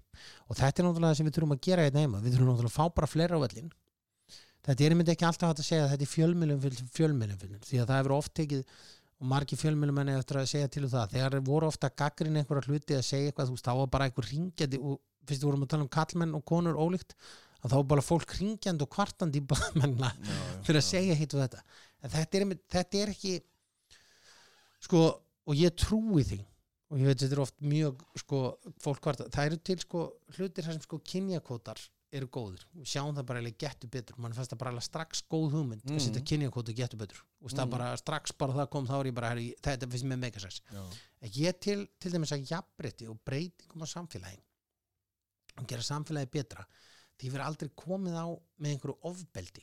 Og þá er ég að segja sko, veist, ofbeldi á þetta kannski við í orðinu að við tökum ekki þá ákvörun fyrir félögus og stjórnuna og breyðablik Herðu, við ætlum að jafna launamenn kynjana það verður bara greitt jafn mikið.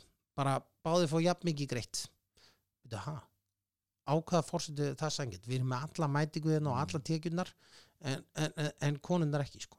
Við þurfum frekar að horfa hvernig ætlum við að sko, styrkja mm. kvennastarfið, já, hvernig ætlum við að keira kvennastarfið upp? Já, og þetta, þú veist, við sjáum það í Ameríku það er kvenna landslið með sko, meiri tekjur um kalla landslið og þær voru byrjar að borga með því á tímabili og kvörtuði við því, já, það er kvörtuði því já, sko. já, já, já, það bara, þetta er bara ósengjast að við séum að borga með þessum aumingin Það voru líka, það, það, talandi, það voru geggja þetta, bara, þetta- þetta er bara uh, svolítið fyndin öfugsnúin heimur sem við lifum í en, en, en hvað er með hérna, hvað finnst þér með hérna sko það að, að KSI gerði nú líka gott í því það þegar voru með hérna spilin, veist að þá var bæði myndir að stelpum já, strákum. það var náttúrulega ekki KSI-runur sem gerði það. Nei, það var Pepsi það var, hérna, já, og, og, og, hann- þetta það var eitthvað fyrirtæki sem gerði það sem ákvað að gera það sko.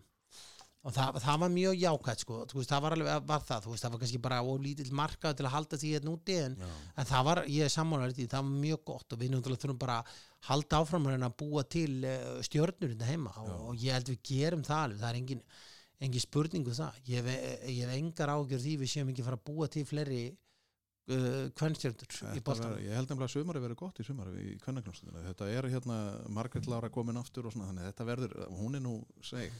Já, já, en hún er eh, sko, hún er sko, hún við, við þurfum yngri Margrét Lára getur ekki haldið þessu einn úti. Nei, nei, en, en það verður bara gaman að fá hann aftur á völlina Já, hún er náttúrulega misti allt síðasta tímbil Já, hún er náttúrulega sem í karakter. Það er svo gaman að sjá, sko, sko, tala nú ekkert við hana á okkur, sko, þá færðu nú taka hana báða í, í smettið það, sko. Já, ég get þér sko, leikmennin sem ég rættast við þessu kvennarhansliði sko, sko, er alltaf er, er alltaf uh, Sara Björk og, og sko Hallberg, ég er mjög rættu við þetta Já, það myndir ekki Ég er ekki rættu við Gunnildir svo því hún er vinnu minn sko, Já. en ég myndi vera mjög rættu við þessa tveir sko.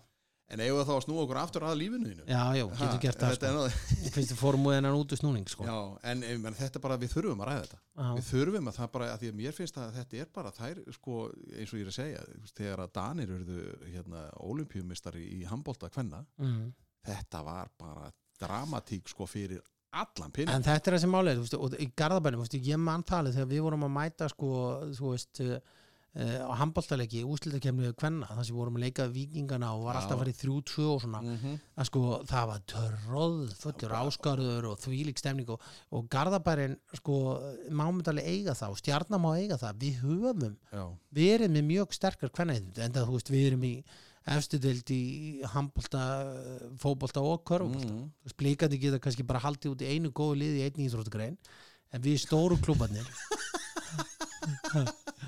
Já og þá ætlum við að fara að tala um eitthvað annað. Þetta er nú alveg, þessa, þessa smá, það var smá hrókið það En segðu mig, fannstu þá æsku ástina eða fannstu ástina í Garðabæ líka? Nei, það ger ég nú ekki. Nei, eru það einhver breytingin hvað, Nei, ég gangi? fann hana í Vestmannum Já, Já, ég fann hana í Vestmannum og bara innflutt? Uh, Nei, ég var garbaðingur sem kynnti mig fyrir henni.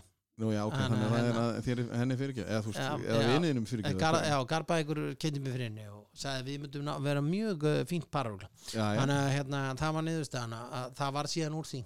Ok, og þið hérna því að nú erum við kannski að fara að, að sigla inn í umræðefni því að svo eignist þið náttúrulega börn. Já, við eignust tvo drengi. Tvo drengi og leiðilt að þú eigin nú ekki stelpu svo þú getur hérna Já. barist fyrir henni og hennar tilveru rétt Já, í það, kom ekki, íþróttum. það kom ekki stelpa, það hjá okkur. Nei, Því miður en, en nú erum við að tala um að því að, nú, sem sagt, ástæðan fyrir ég fekk því náttúrulega hingað inn er, er náttúrulega ekki það að þú ert, mér finnst alveg hrikalega gaman að tala við þig. Eh, hérna að, að hérna að þú, þú ert í blaðaviðtali og ég hef svo sem heyrti og séði á þér því ég er náttúrulega búin að vinna í þessum geira svo lengi í félagsmyndstöðum og með börn og úlinga að þú ert að, að, að svona lýsa skoðin já, á þínum orðum myndi að vera að þú bara lýsa frati á sinns kerfið og hvernig það kemur fram við börn með greiningu Já, ég er að lýsa f- frati, ekki kannski á börnin sem eru með Nei, ég er að meina kerfið sko, það, hvernig kerfið tekur á þessum sko, það, sko hvað er seinagangurinn og allt þetta. Að núna, núna, ok, þú eignast tvo stráka. Ég eignast tvo straka og, og hvora er það Svo eldri er mjög rólugur er mjög, já, Hann er örgulega nú með eitthvað, eitthvað, en, en hann er mjög rólugur og, og, og ljún á ekki. Já. Það verður alltaf verið. Uh, Pétur minn og Já. hérna og, og, og bara, bara rokk undur þessu pappi sinn og, og, og mjög svalur að alltaf svona típa Já. alltaf það sko. En síðan er sko eignust við annan sem er bara eh, sko uh, fær uh, í raun og veru sko rosalega aðskilnað við það. Ok, og það er raun og verið þetta byrjar það sko. Hann fær rosalega aðskilnað við og er síðan, getur verið alveg stjórnlaus af reyði og frekju og hérna fræg, fræg sagði honum upp á skaga þegar hann sparkaði dómara sparkaði dómara og það nú fræg sagði hann líka því hvað dómarinn gerði.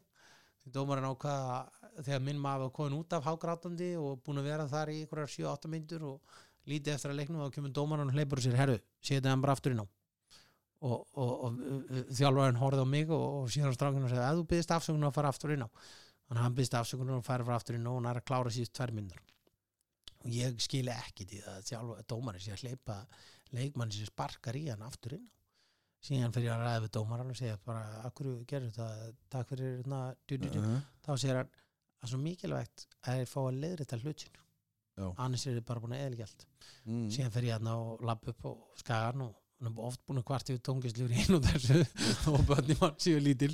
Hérna, og þeir alltaf ég sé að góða skammast yfir dómar og þá var ég að rósa tóngislur hana og, og hérna var þetta Stefánis maður minni með og þá, eins og fyndið þá segir ska, hérna, skaman já, það er þetta hann. Já, hann er svona í skapinu og svona hans líka hann hefur alveg vitað hvað verið í gangi. Og veist, ég var svo ánægð með já, já, en þá voru þeir líka bara dómar þetta vissur hvernig og síðan sko náttúrulega spilaður úrslitaleg sem fór jafnteflu þeir töpu á markatölu. Og þá tók uh, minn sonur aftur brjálaskast út dómaran og hérna var öskureður út í dómaran og síðan hérna, en þá voru þið bara fættin að hlæja þessu, Þú veist, þá vissuðu bara hvernig típa hann var, þú veist, hvernig hann var og hann var í svona skapinu og bara allt í góða lagi. En fyrir vikið þá var hann sko, mamman sko fór með hann á fótboltæðingar og horfði á hann sko, út í að aðskilnaði hvað var svo mikill að það fóru bara tvö árið eða tvö og hálft ára að horfa á hann okkur einstæðingu og hvað var hann gamall þetta? þannig er hann sko átta og níu, jafnvel over tíu ára sko En var þetta þá ga- gagvart, gagvart ga- Gagvart mömmu sinni? eða? Nei, já, hann bara og okkur fórhundur, hann þurfti bara alltaf að hafa eitt fullorinn og alltaf að hafa mömmu sín og pappa eitthvað Já, sko. ok og hérna aðskilnaði hvað lýst sér þannig og þá er náttúrulega ákveð að fara með hann í svona ferli og veist, að tjekka á þessu og hvað þetta er og síðan kemur náttúrulega ljós hann sem er aðskilnaði kviða og uh, hérna og, og, og ADHD og þá byrjar hann að og þetta tekur sko eh, sko 12 til 18 mánuðin Já, Já, þetta tók allavega það sko. Og þegar það er komið, þá sagt við okkur eftir átján mánuði þá komum við inn þarna og, og hjá þeim á greiningastöðinu og þá séðum við okkur það eru sonur ykkar og ég var mjög heppin hann Elli félagmi sem ég var svona heppni að ég var að þjála fótbolta í Keflæk og þá er ídrúttsálfræðingun okkar þar að vinna hjá, var að vinna hjá Bugl og hann gæti bara sagt mér allt og það var að lýsa banninu mínu þá var maður bara wow, hvað er að frétta sko? Já, og síðan áttu, áttu við góða vinkur sem vann líka hjá Bugl og mjög gaman að hitta hana og gott að hitta hana þegar hún var að segja okkur að útskýra fyrir okkur við verðum ekki ömulegi fóreldrar og það er oft þannig að fóreldrar kenna sér svolítið mikið um þetta. Börninni eru svona og svona Mhm. og fóreldrarnir fyrst þau hafa mistekist í uppbyldinu sínu. Það, og, og þau er oft bara erfitt með að fyrirgefa sér þetta. Eins og þetta sé þeim að kenna. Mhm. en þegar við sitjum við þá sitjum við með sko og þá er sagt hérna við okkur eru barnið ykkar er með þetta og þetta og við erum með námskeið hér. En það er 12 mánuða byggtímið þetta námskeið er sagt við okkur. Og uh, málið er að hérna en ef þið getið borga 70 skall þá er þetta að koma sérna á engaðalum bara í næstu viku við húsinu við hliðinu bara nákvæmlega sama hús basically.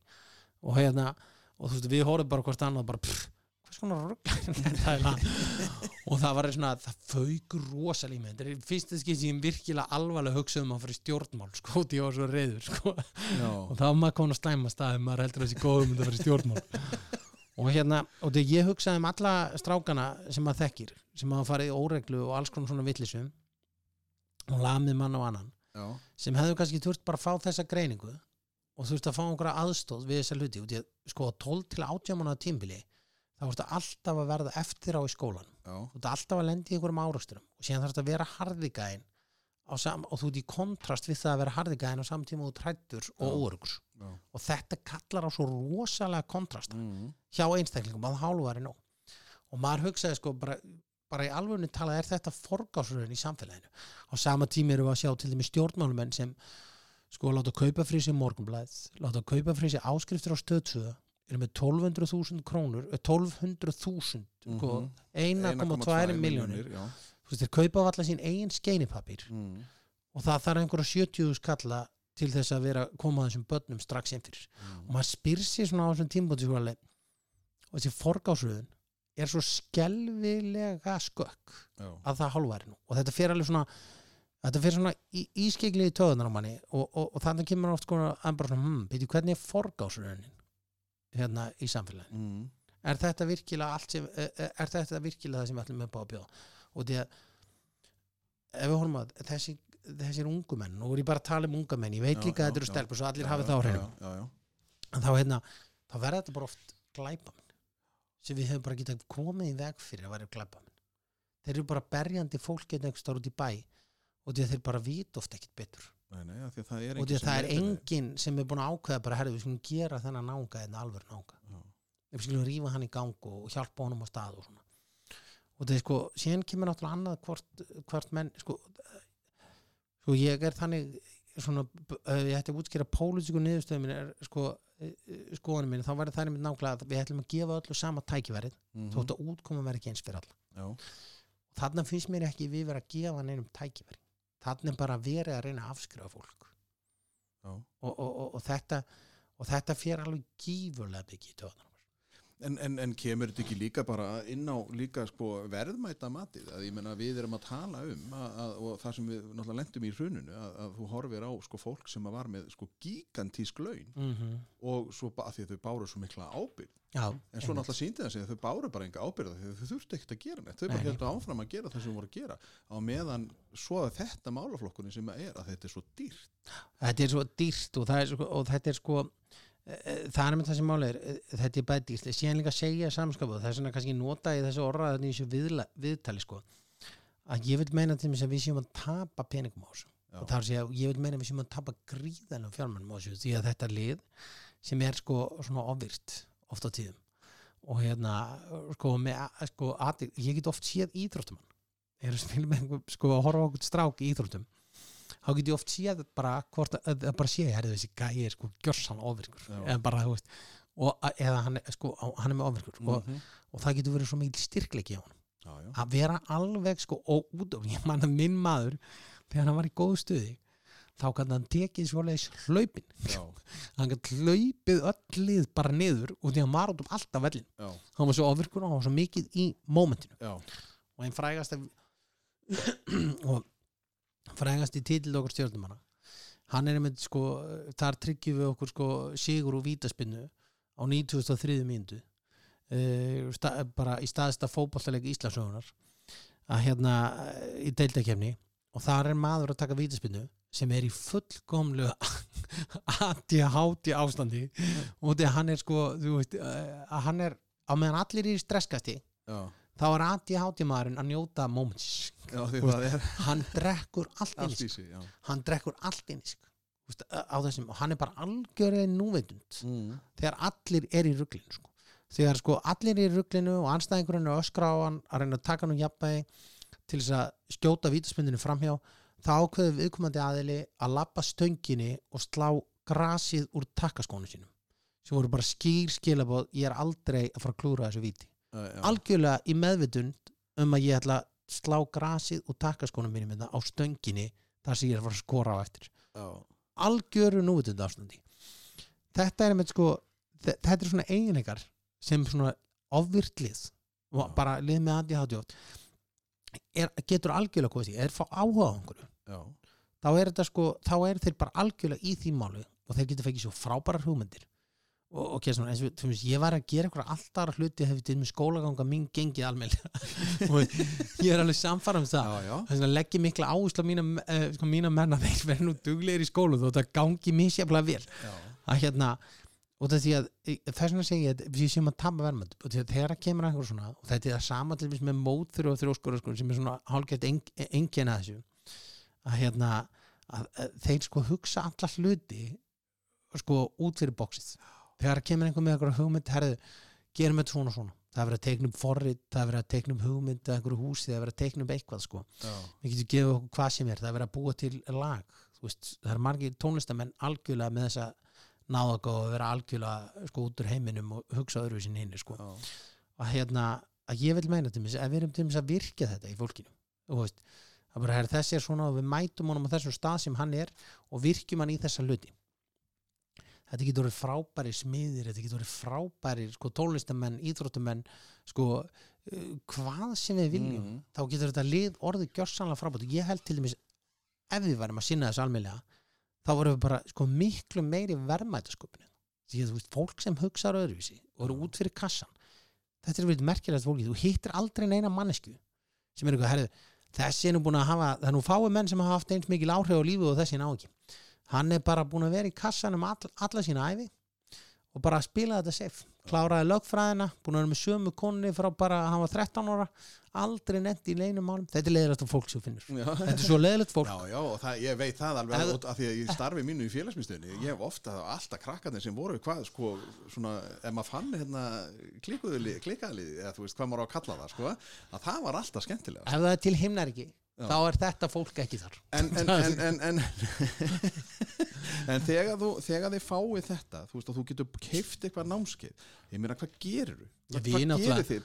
Það, bara kom, það kom bara, nei, nei, við erum í góðmálum við náttúrulega gátum máli sko, við vorum bara með okkar mann í öðru prógrami. Já, og hérna, en voru þið þá búin að fá eitthvað aðstóð? já, við vorum bara búin að fá aðstóð sko. Við, það var ekkit, sko, það er engin e, bara, við hefum góða að og það var ekkit svona einhver peninga þetta peninga issue hefði aldrei verið vandamli okkur. Nei, nei, en maður hugsaði eins og við erum alla maðunar sem eru kannski með sko, tvö, þrjú börn. Já, gefum okkur það og sér ekki mér allt í nú, herrðu þetta batti á er með ADHD, þú getur beðið í 12 mánuði og hann getur dreigist aðeins aftur á skóla og þú veist það verður erfitt að, að fá vini og svona, já, en sko en málið er sko, þú getur að átt 70 skall já, þá getur þú komast inn í næstu þetta eru ógeðslega skilabóð og, og, og þú veist, og þegar maður sér alls konar svona stopnarnir og annað vera að blása sig út á einhverju góðmennsku kjaftaði, þá fer gríðarlega svona pólitíska skrifstóður einhverjar já, vinnu þínum er ekki Mm.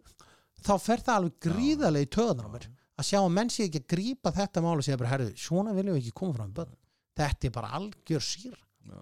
það er rosa erfitt að fara að ná aftur sko, sérstaklega myndar það er ekki að mynda þessi tengsl sem eru með og okkar maður var svo heppin að sko húsinu var breytt í félagsmyndstöð heima og hann sko var mjög félagslega vel tengdur og það hjálpa hann það er ekki spurning að það hjálpa hann og síðan leiðu hann fyrir á lif það eru margir oft með fordómafylu þá bara, þú veist, kvíðin fór Mm. þú veist, það bara allir hluti breytust bara allt annað batn í hendunar sko. Já. núna bara gengur allt eins og í sög sko.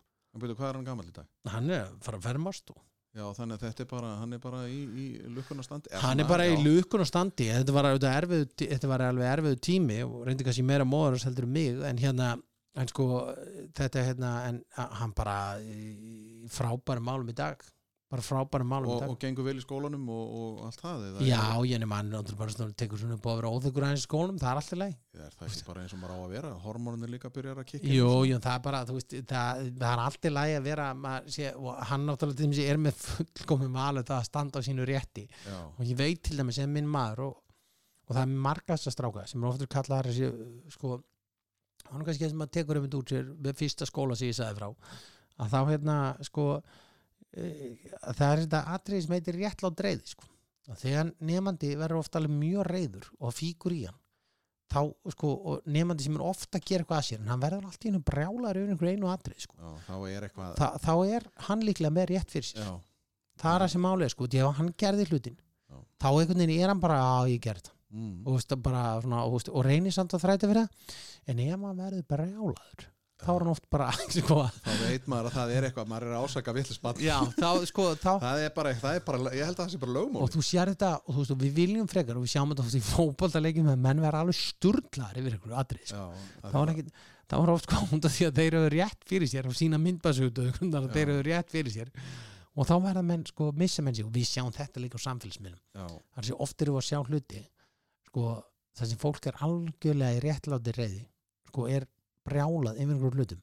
En notar orð sem eru bara ekki orðin sem við erum að nota yfir. Nei, Maður skil- já, og, þú veist, og það sem veist, að við segjum ég skil reyðina en en við getum aldrei, við erum alltaf í þeirri umræðu að vera ráðast á fólk uh, sko fyrir uh, litla sakir. Já, já. En, en hvernig er það þegar, ok, svo fær hann þessa greiningu? Minna, svo er, þá er hann hvað í flataskóla eða í hóstaðaskóla hann er Nei, hann er í barnaskóli hjallastemnar Nei, já, fyrir ekki, já, það var það, það var líka komið fram í greininni sko, Já, hann var í barnaskóli hjallastemnar Mjög hepp með það að bæði börnum mín fóru þar. Já, ok, og það er náttúrulega ákveðin hérna bara uppeldisfræði sem að er náttúrulega mjög sérstök sem að, eða sem sagt, mér finnst ekki sérstök að því mér finnst þetta frábært það sem að Já, ég Magga Pála er að gera sko. Ég er mjög hrifin að þessu Já. og ég væri til í að sjá þetta og við erum alltaf að hugsa um hvernig við ætlum að alveg betri kallmenn og sterkari konur og allt þetta að ég til dæmis er þeirra skoðan og því meira sem ég hugsa hlutin oft þá sko er ég alveg að komast á niðurstu að ég vilja hafa allt skólakerfi svona til 12 ára aldurs.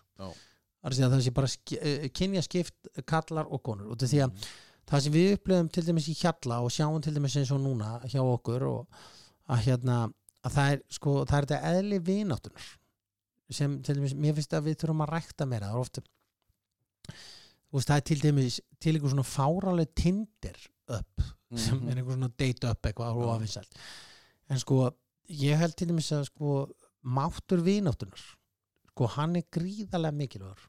Og hérna að eiga eitthvað vin sem þú getur og það er til dæmis eins og ég og Frosti hefur sagt að við tengjum ekki við þetta hashtag kallmennskan oft og, og alls konar svona einhverjar uh, byltingar, kallmenn gráti veist við Mm. höfum bara grátið oft fyrir framgóðan annan, ég og Frosti og, og þú já, já, já, og þú veist, og við getum hringt og ég á vini þess að ég get hringt og sagt bara ef ég er, líður illa og er ömulegur og getur hringt og en enn að segja mig hvað ég sé frábæn á ekki já. þú veist, og þegar ég er eitthvað dán og ég held til dæmis þetta sé atriði sem við þurfum að rækta mjög vel og, og það er líka bara við skiljum að þessi náungi er öðruvísi en ég en ég mæt honum á þessum stað Mm. og sjá hlutinu frá sjóna með sko náungans þetta er svona mikilvæg atrið og mér finnst þessi hluti til dæmis eins og þessi strákar sem kom á hjallanum hvort sem það er síni mínum sem sko er að fara að vera 19 á þessu ári eða þessum sem er að vera 14 ára þá sé ég það einmitt í þeim. Og það er miklu meiri svona sko kærleikur og miklu meiri vináta Mm. þú veist, einhver vinu þeirra brotna niður uh, sko á einhverju mómenti þá eru þeir fyrstu mennindir til þess að mæta og taka utan um hann og, og, og, og, og fara með hann burt sko úr stofu eða hvað sem er og passa upp á sinn mann langt undan kennur Mm. kenna ekki mikið sér. Og það er allt í þú veist, og ég finn það til með þessi kynslu núna að þú veist, þó þeir sko fara á fótboltamót og þeir geta ekki sofið öðru sinni á fóreldur sínum eða þeir geta, þú veist, ekki tekið liftu eða hvað það er sko. Þá er einhvern veginn bara allir bara, á, ok öllum er alveg drull. Þú veist, það, það, það skiptir einhvern, það er ekki bara, hvað, þetta er ekki bara svo að maður og pappa, þetta getur ekki sofið með okkur? Þú veist getur ekki sofið inn í skólanum þetta er, þetta er orðið svona öðru ég, mér finnst ég upplega þetta og þeir verði svona til ég upplýða þetta, þeir verði bara tilfinningarlega greindari uh, börnin hana Já. í helskólanum hendur hana ég, það er mín skón Ég ég er nú reyndar að því að krakkandi mínur er átjáni, ég er alveg viss um það að, að þeirra kynslu á eftir, þessi kynslu sem er núna bara að klára, er í mentaskóla og svona, þetta er liðið sem á eftir að breyta þessu. Þú veist að, að, það, þau eru náttúrulega líka þó svo að þú, ég veit að því ég var nú að vinna með hashtag kallmennskan, að ég minna auðvitað er, það þarf einhvern veginn þessa vakningu samt. já ég er alveg ég, að, að þú veist, við erum, ég meina ég er alveg upp af, af foreldri sem að bara, ef einhver dóa þá var bara ekkert rætt, skilju, það bara einhver kvarf og maður bara, byrjum, Já. hvað er þessi? en þetta er, alveg, þetta er alveg rétt hjá þér og ég, ég, ég er myndið alveg saman í og þóstu var að gera mjög mjög góða hluti og mjög ánægð með þetta framtak hans, þess málega er þessu var það eitt í því sem ég sagði sko. Það var þetta dæmi, þú ert að tala um þessi kynslu okkar sem er að koma að vera betri hana að það var það sem ég gagriði var raun og veru það vantaði mannin sem niðurlaði sig skilum, það vantaði sko strákið sem kom fram og sagði ég var svo afbreyðsamur og ég kallaði bara kærustunum mína hóru. Mm. Þú veist, og ég bara sló kærustunum mín eins og af því að hún var að dara við einhvern náunga og ég var svo stressaður og, Mm. og, og, og, með mikla minnumáttakend því að þú veist, afbrið sem er bara minnum, sko, partur af einhverju minnumáttu Mm. það vantaði þetta Já. það er að segja, sko, það vantaði sko, í því raunverulega sko, e, sko identity kallmennskunar það sem er, sko, út af því að þetta fór svo mikið fram á já. og ég sá nú að þóstu var líka að reyna að gera þetta nafnlust og, og það, það vantaði þú veist, þessar sögur, til þessar sögur eru raun og veru sko, við höfum allir átt vin sem hefur sko, orðið geðveikur að einhverja ástasorg. Já, já. og hringt sko 20 sinum í kæristuna sína á 30 minnum út af einhverju óryggi eða hvað er bara, þú veist, endalus SMS skilabóð og einhver svona bílun í gangi og þú veist, þetta er bara svona hlutur sem til dæmis ég segja á að kenna í skólum þá bara segja við, kenna ungu kallmönnum í skóla, bara herðu, hérna er uh, síðan er hérna þetta atrið hér, það er ástasorgin og það er kannski gott fyrir ykkur að vita það að þið verð ekki neini kallmenn finna búið brjóti ykkur hjarta tvisar eða þrísvar þá er ekki að tala um að kallmennska sé vond orð sko. nei, nei, nei, nei. og þegar maður þurfa að passa sig á því að kallmennska getur líka alveg gott orð sko. Og hérna en ég held að það sé svona þetta sé, og, og þú talar um kynsluðun okkar það eina sem er óttast í þessar kynsluð okkar sem er að koma, fyrir ekki kynsluð okkar, heldur kynsluðinni hérna sem er að koma upp það er sko það er svona sko umbröðlendi fyrir skoðunum annara já. finnst mér oft vera alveg fáránlega lélt Mm. þar að segja einhver er ósamála skoðuninni að þá bara á að hætta vesla viðkomandi þá bara að útiloka viðkomandi hann má ekki mæti viðtöl hann má ekki, þú veist, gera nokkuð skapað hlut. Þetta er alveg stórfurðulegt En þetta er, já, það er sérst verið að setja þjóðvörðuna Já, já. á öðrum stað í húsinu Já, þannig að útastmaðurinn heyri þetta að það er nú gott. En, en talandi um hérna, að því að þetta er náttúrulega bara umræða sem við þurfum að taka, en hvernig eru þá skilin frá hjallastefninu yfir gardaskóla? Gamla skólan þinn? Já, núna Já, fyrir Já, strákin. sko, hann minn fór inn í flataskóla fyrst á milli og síðan fór hann í garðaskóla Ok, og hérna, og, og þau eru hafa raunur bara verið mjög góð en sko, skólanir líklega miklu betri í stakkbúnir í dag heldur en þeim voru á þessum tíma sem ég var uppi sko. já, og ég held að það sé máli, ég held að sé náttúrulega meira svona ummyggja fyrir hlutunum og menn vilji vel kannski, ég held að ég hef náttúrulega bara verið í einstaklega slæmum uh, grunnskóla þegar kom úlinga til Ef að þú hefur verið á sama tíma og ég í skólanum, þá Já. hefur þú bara farið í sveit, veist, það var bara, hvar er, hvar er Máni? Já, hann fór í sveitina, já, ok.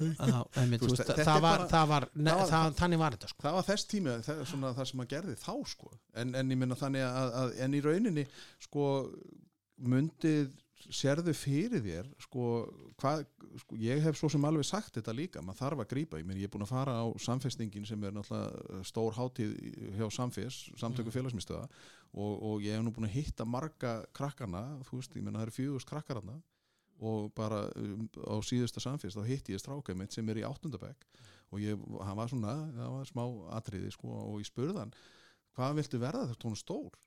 Og svarið einhvern veginn, hann sko kildi mig svo margfalt að ég var bara sko, hann ætlaði að vera handrukkari. Og ég var bara, ha, byrju, ha? Þú veist, og ég hef sko á öllum mínu ferli hef ég aldrei fengið þetta svar.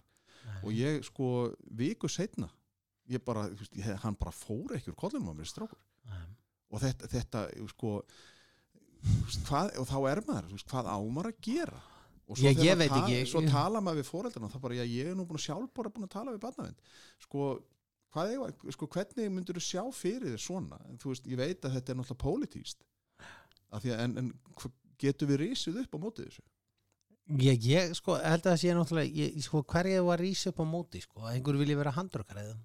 Nei, það er þetta eins og þú segir ég meina, þú veist, já, en ef þú borgar 70 skall þú veist, að við erum að gera samf sko, sko, erum við fyrir hverju erum við eignar spötni ég held að við þurfum líka sko, og það er náttúrulega sem máli ég held til dæmis eins og svona hlutir eins og til dæmis og það er nú eitt sko sem er þjóð, uh, sko, þjóðurinn kom með og verður nú að gefa þessum skólastjóru sem ég nú ekki verð nú seint trifin af hann og garðaskóla að hann til dæmis uh, spáði mikið í þessa hlutu og spáði mikið í það. Að það er til dæmis eins og að finna fólki í farvegi eins og inn í skólakerfinu. Ég tala um að skólakerfið er að vera kynniskipt til 12 ára 13 Mm. ára aldurs. Ég held bara að þú veist það sé alveg allan múin að bjóða meir upp á þann möguleika en, en hægt er að gera. Málið er hins vegar bara að þú veist að stjórnmálumenn vilja það ekki. Og, og það er mjög skrítið ofta að fylgja þér og, það- og það sem málið er að þú þekki kannski að kennara líka allir virkilega hrætti við alls konar breytingu. Ég er ekki að segja að allir skóla séu hjallaskóli. heldur bara við eigum að skipta þessu. Þegar við erum komið drengi sko á þennan aldur 13-14 ára þá eigum við líka að geta fundið með eitthvað farveg það er að segja sko og það er mjög slæmt þegar þú ert kannski fær þá hugmynd eitthvað 14 ára bara "Herru, ég ætla að vera handrukar í stór Mm. og því sér hvað þeir lifa glamur lífi og, og, og eitthvað svona dæmi ég, þú veist það er ekki á þeim langar til að lemja fólk heldur það er að þeim langar til að fóra aðdaskala og gullkeðjur og eitthvað svona dótri Mm. sko. og hérna en eigum við ekki að reyna að finna farveg fyrir þessa drengi þú veist það er áhuga málun, hvert stefnur hvað ætlar að gera, ég segi oft sko að sjö er tí í lífinu sko. Já, já. ef hún er sjö þá er það tí verður ekki að rembast ef að fá tí það er algjört bull. Já. og við til dæmis gerum allt og mikið úr því að reyna að fá okkur nýjur og tíur. Til hvers? Bara notaðu frá sjö til tíu til þess að eiga eitthvað félagslíf og gera einhverja hluti. Mm. en við til dæmis erum að gera eitthvað svoleiðis hluti. Og við sjáum til dæmis að þessi strákur hérna er fáránlega góður í sko smíða. Skulum bara, bara peppa niður að vera góður smiður sína honum hvaða möguleikar hægt að sjá þetta, herru sjá þessi hérna gæði sérðu hvað er að fokkin mikið pening? Ef það eru peningar sem drífa þann áfram. Sérðu hvað er að fokkin mikið pening? Þetta eru þetta eru smiðir, þeir kunna að gera svona hluti. Geta fengið þetta og þetta og þetta. Þú fyrir miklu Mm. betur borga fyrir að smiður og líður miklu betur heldur en að vera handrukkari sko. og síðan sko kemur þessi hluti sem er að Þú veist, hvað er allir, út í að margir stráka stefna á fótbolta og eitthvað svona dótri allir allir vera atvinnumenn allir að vera atvinnumenn þá verð ekki allir atvinnumenn. Það skiptir mestu máli að verða hamingisamur það er kannski eitthvað atriði sem við náum ekki að koma nógu vel til skila inn í námi sko. mm. því miður sko en síðan líka held ég náttúrulega ofta tíum séu að kenna líka alveg ógeðslega leðilega hluti í skóla sem skipta náttúrulega engu máli sko já, já. Það er náttúrulega önnur en það er önnur umræð já, það er alveg algjörlega önnur umræð en ég held til dæmis að að það verður gott að geta reynd að finna þessu strákum einhvern farveg þú veist, það er að segja sko finna, og það tikka allir fyrir einhverju, ég man að pappi minn fór með mig út um allt til að finna þegar ég var með vestas í múlíkur til að sjá hvort ég myndi hafa áhuga á einhverju sko. mm. Síðan náttúrulega komst hann að því að, að sjónu sín hefði aðal á að bara að kjafta sko.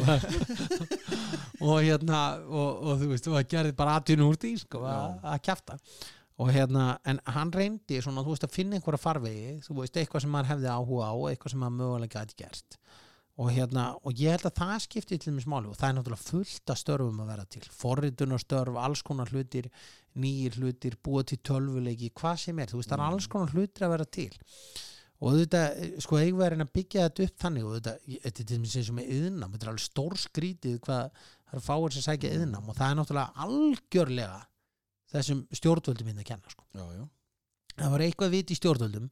Þá myndum menn taka upp á því að segja herðu, bara ákveð bara herðu, nú ætlum við að gera þetta eitthvað krafti. Og þau myndum taka herðu við ætlum að bæta við Vestlunarskóla Íslands hérna. við ætlum að byrja með smíðadeildina sko, og, yðmyndadeildinar inn í Vestlun mm. og þá geta allir þessi, sko, sem ætla að vera yðmyndaðir sko, langar það. En út af samfélagi er búið að segja að skipti meira máli sko, vi, Það- viti það er að vera með eitthvað veist ekki, ég er ekki að gera lítið úr stúdspróf og skilur hvað já. að sko, þá myndir þeir allir, ég er að fara í Vestlun Mm. veist, og, og þá ertu allt í einu konin í eitthvað félagslíf og einhverja svona hluti. Þetta er saman og getur gert þetta með FG og þú getur gert þetta, þú veist, MK er með einhver, einhverja svona yðinmentun hjá sér. Þeir eru að vera maturustlur og og, og, og, slátrarinn eða hvað já, já, þú veist, þetta, sko, ég held til dæmis að, sko, ef það væri eitthvað viti í þessu hjá mentamálar á þeirra og félögum þá myndu þeir fara í þetta. Mm. veist, þá myndu þeir hugsa bara, herri, við þurfum að breyta þessu. Og þú veist, og það er varandi alls konar hluti bara sem er hægt að gera eh, öðruvísi var þetta En svo er náttúrulega eins og þú segir að því að það, ég var nú með eitt strákenda sem að, að sagði þú veist að hann var að klárað ekki stúdinsprófið að því hann gat ekki klára spænsku.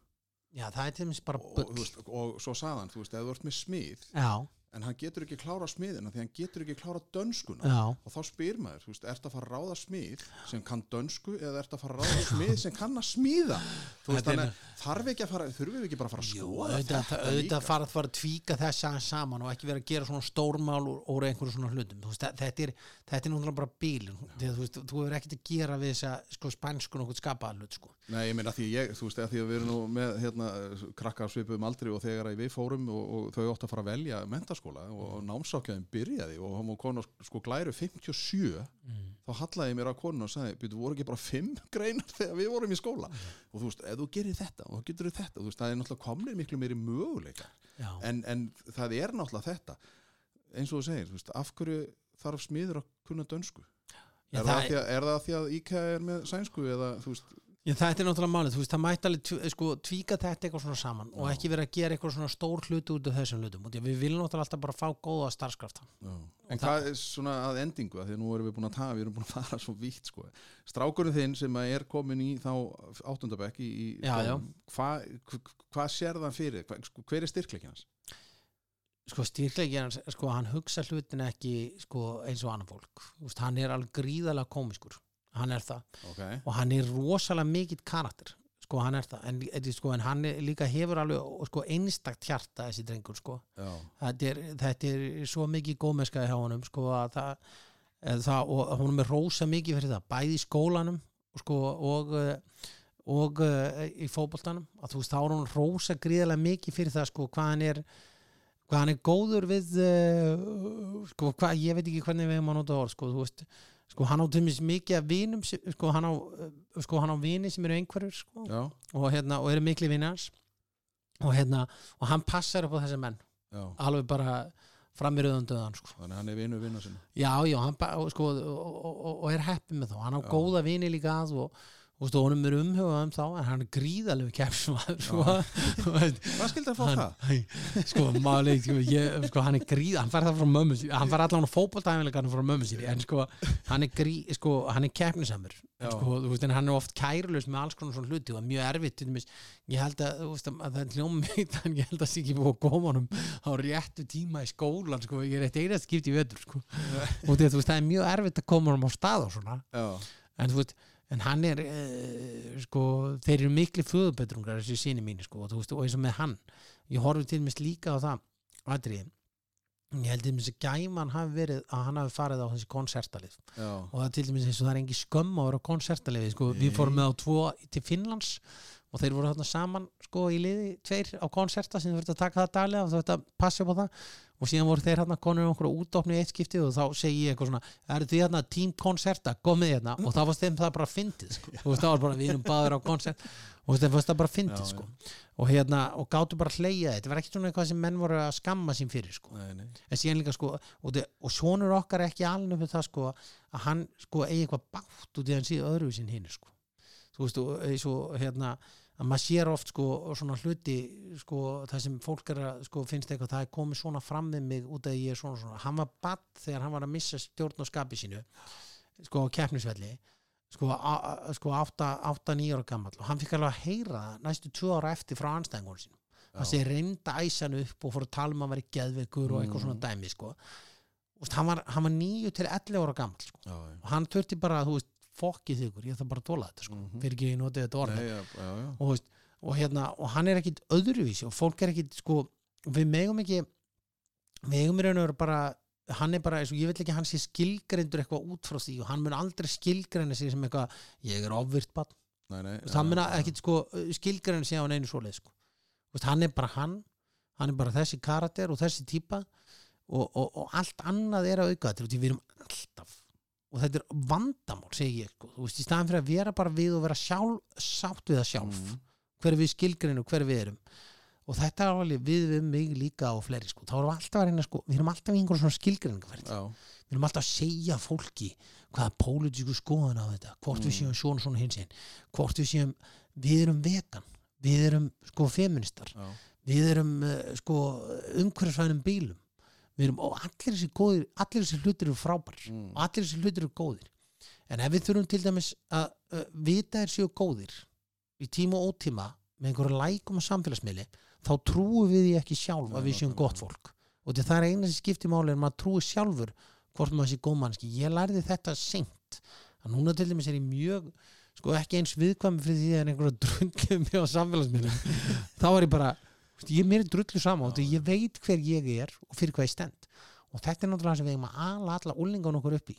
Þeir viti hverju þeir eru fyrir hverju þeir standa hverju tilgangur þeirra og hverju gildi þeirra. Frekar en að þeir séu sko að reyna skilgreina sig inn í einhver samhengi eitthvað, við erum svona mannskjur já. við erum svona mannskjur En þú ert alltaf líka búin að fara gegnum kannski markþjálfun og það sem þú ert að skoða eh, inn á við ég var löngum hún að skoða sjálf með þetta er búið að vera ég veist oft þú þetta sko, sko 20 ára ferðalagi myrkrinu er alltaf sko planið mitt sko, og, ég er nú að rembast við það núna að reyna að skrifa einhverja bók sko, sem fjallar um sko kallmenn eða fyrir kallmenn og hérna og það sé að mér finnst svo margt sem við þurfum sko að horfa á. Og það er bara Mm. til dæmis eins og með hluti sko, sko lífið er ekki sko endilega samfélagin að kenna.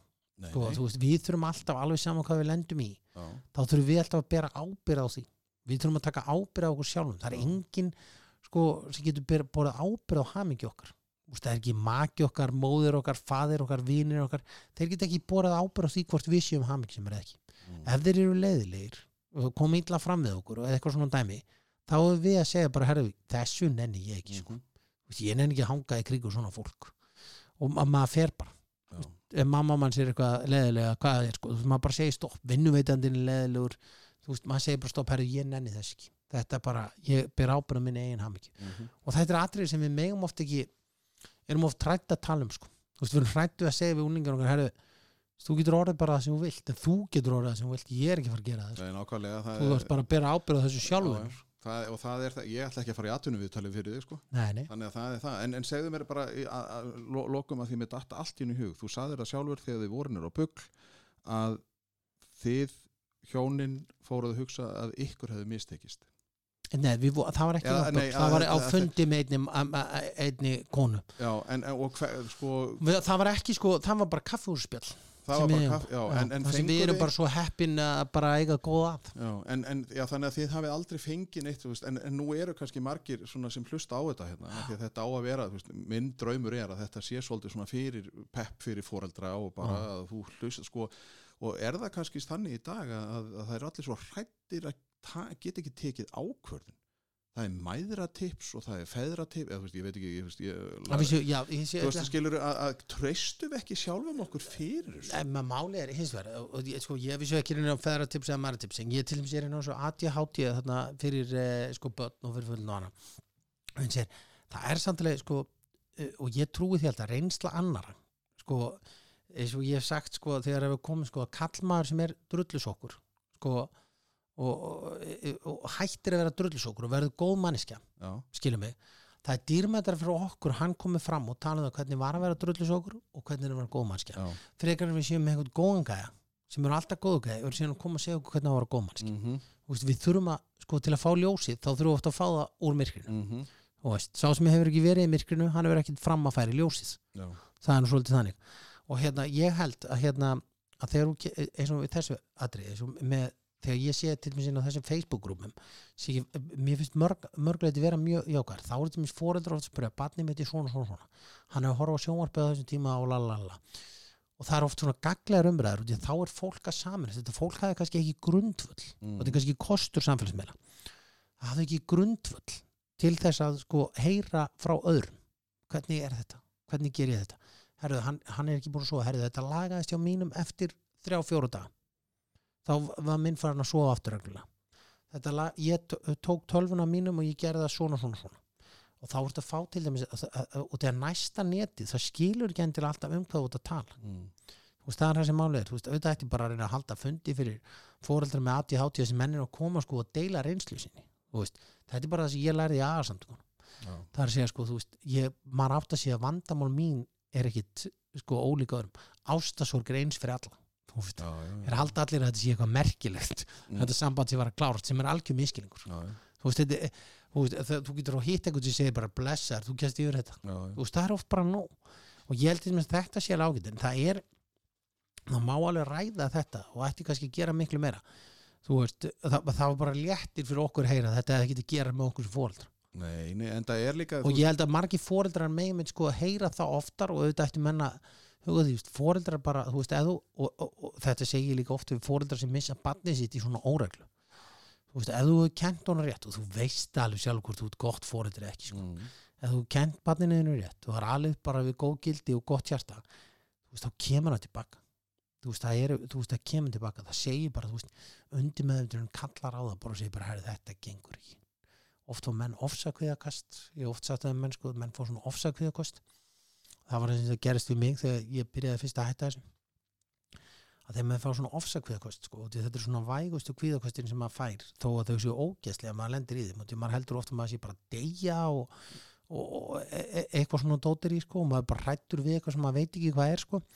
Að hérna, þá er þetta oft þá svona innri maðurinn í þér hann er að segja bara herri vinnur, þú ert að gera eitthvað vitlis farðu og gerðu lífið þitt eitthvað öðruvísi farðu og, og, og, og gefðu þér einhvers staðar.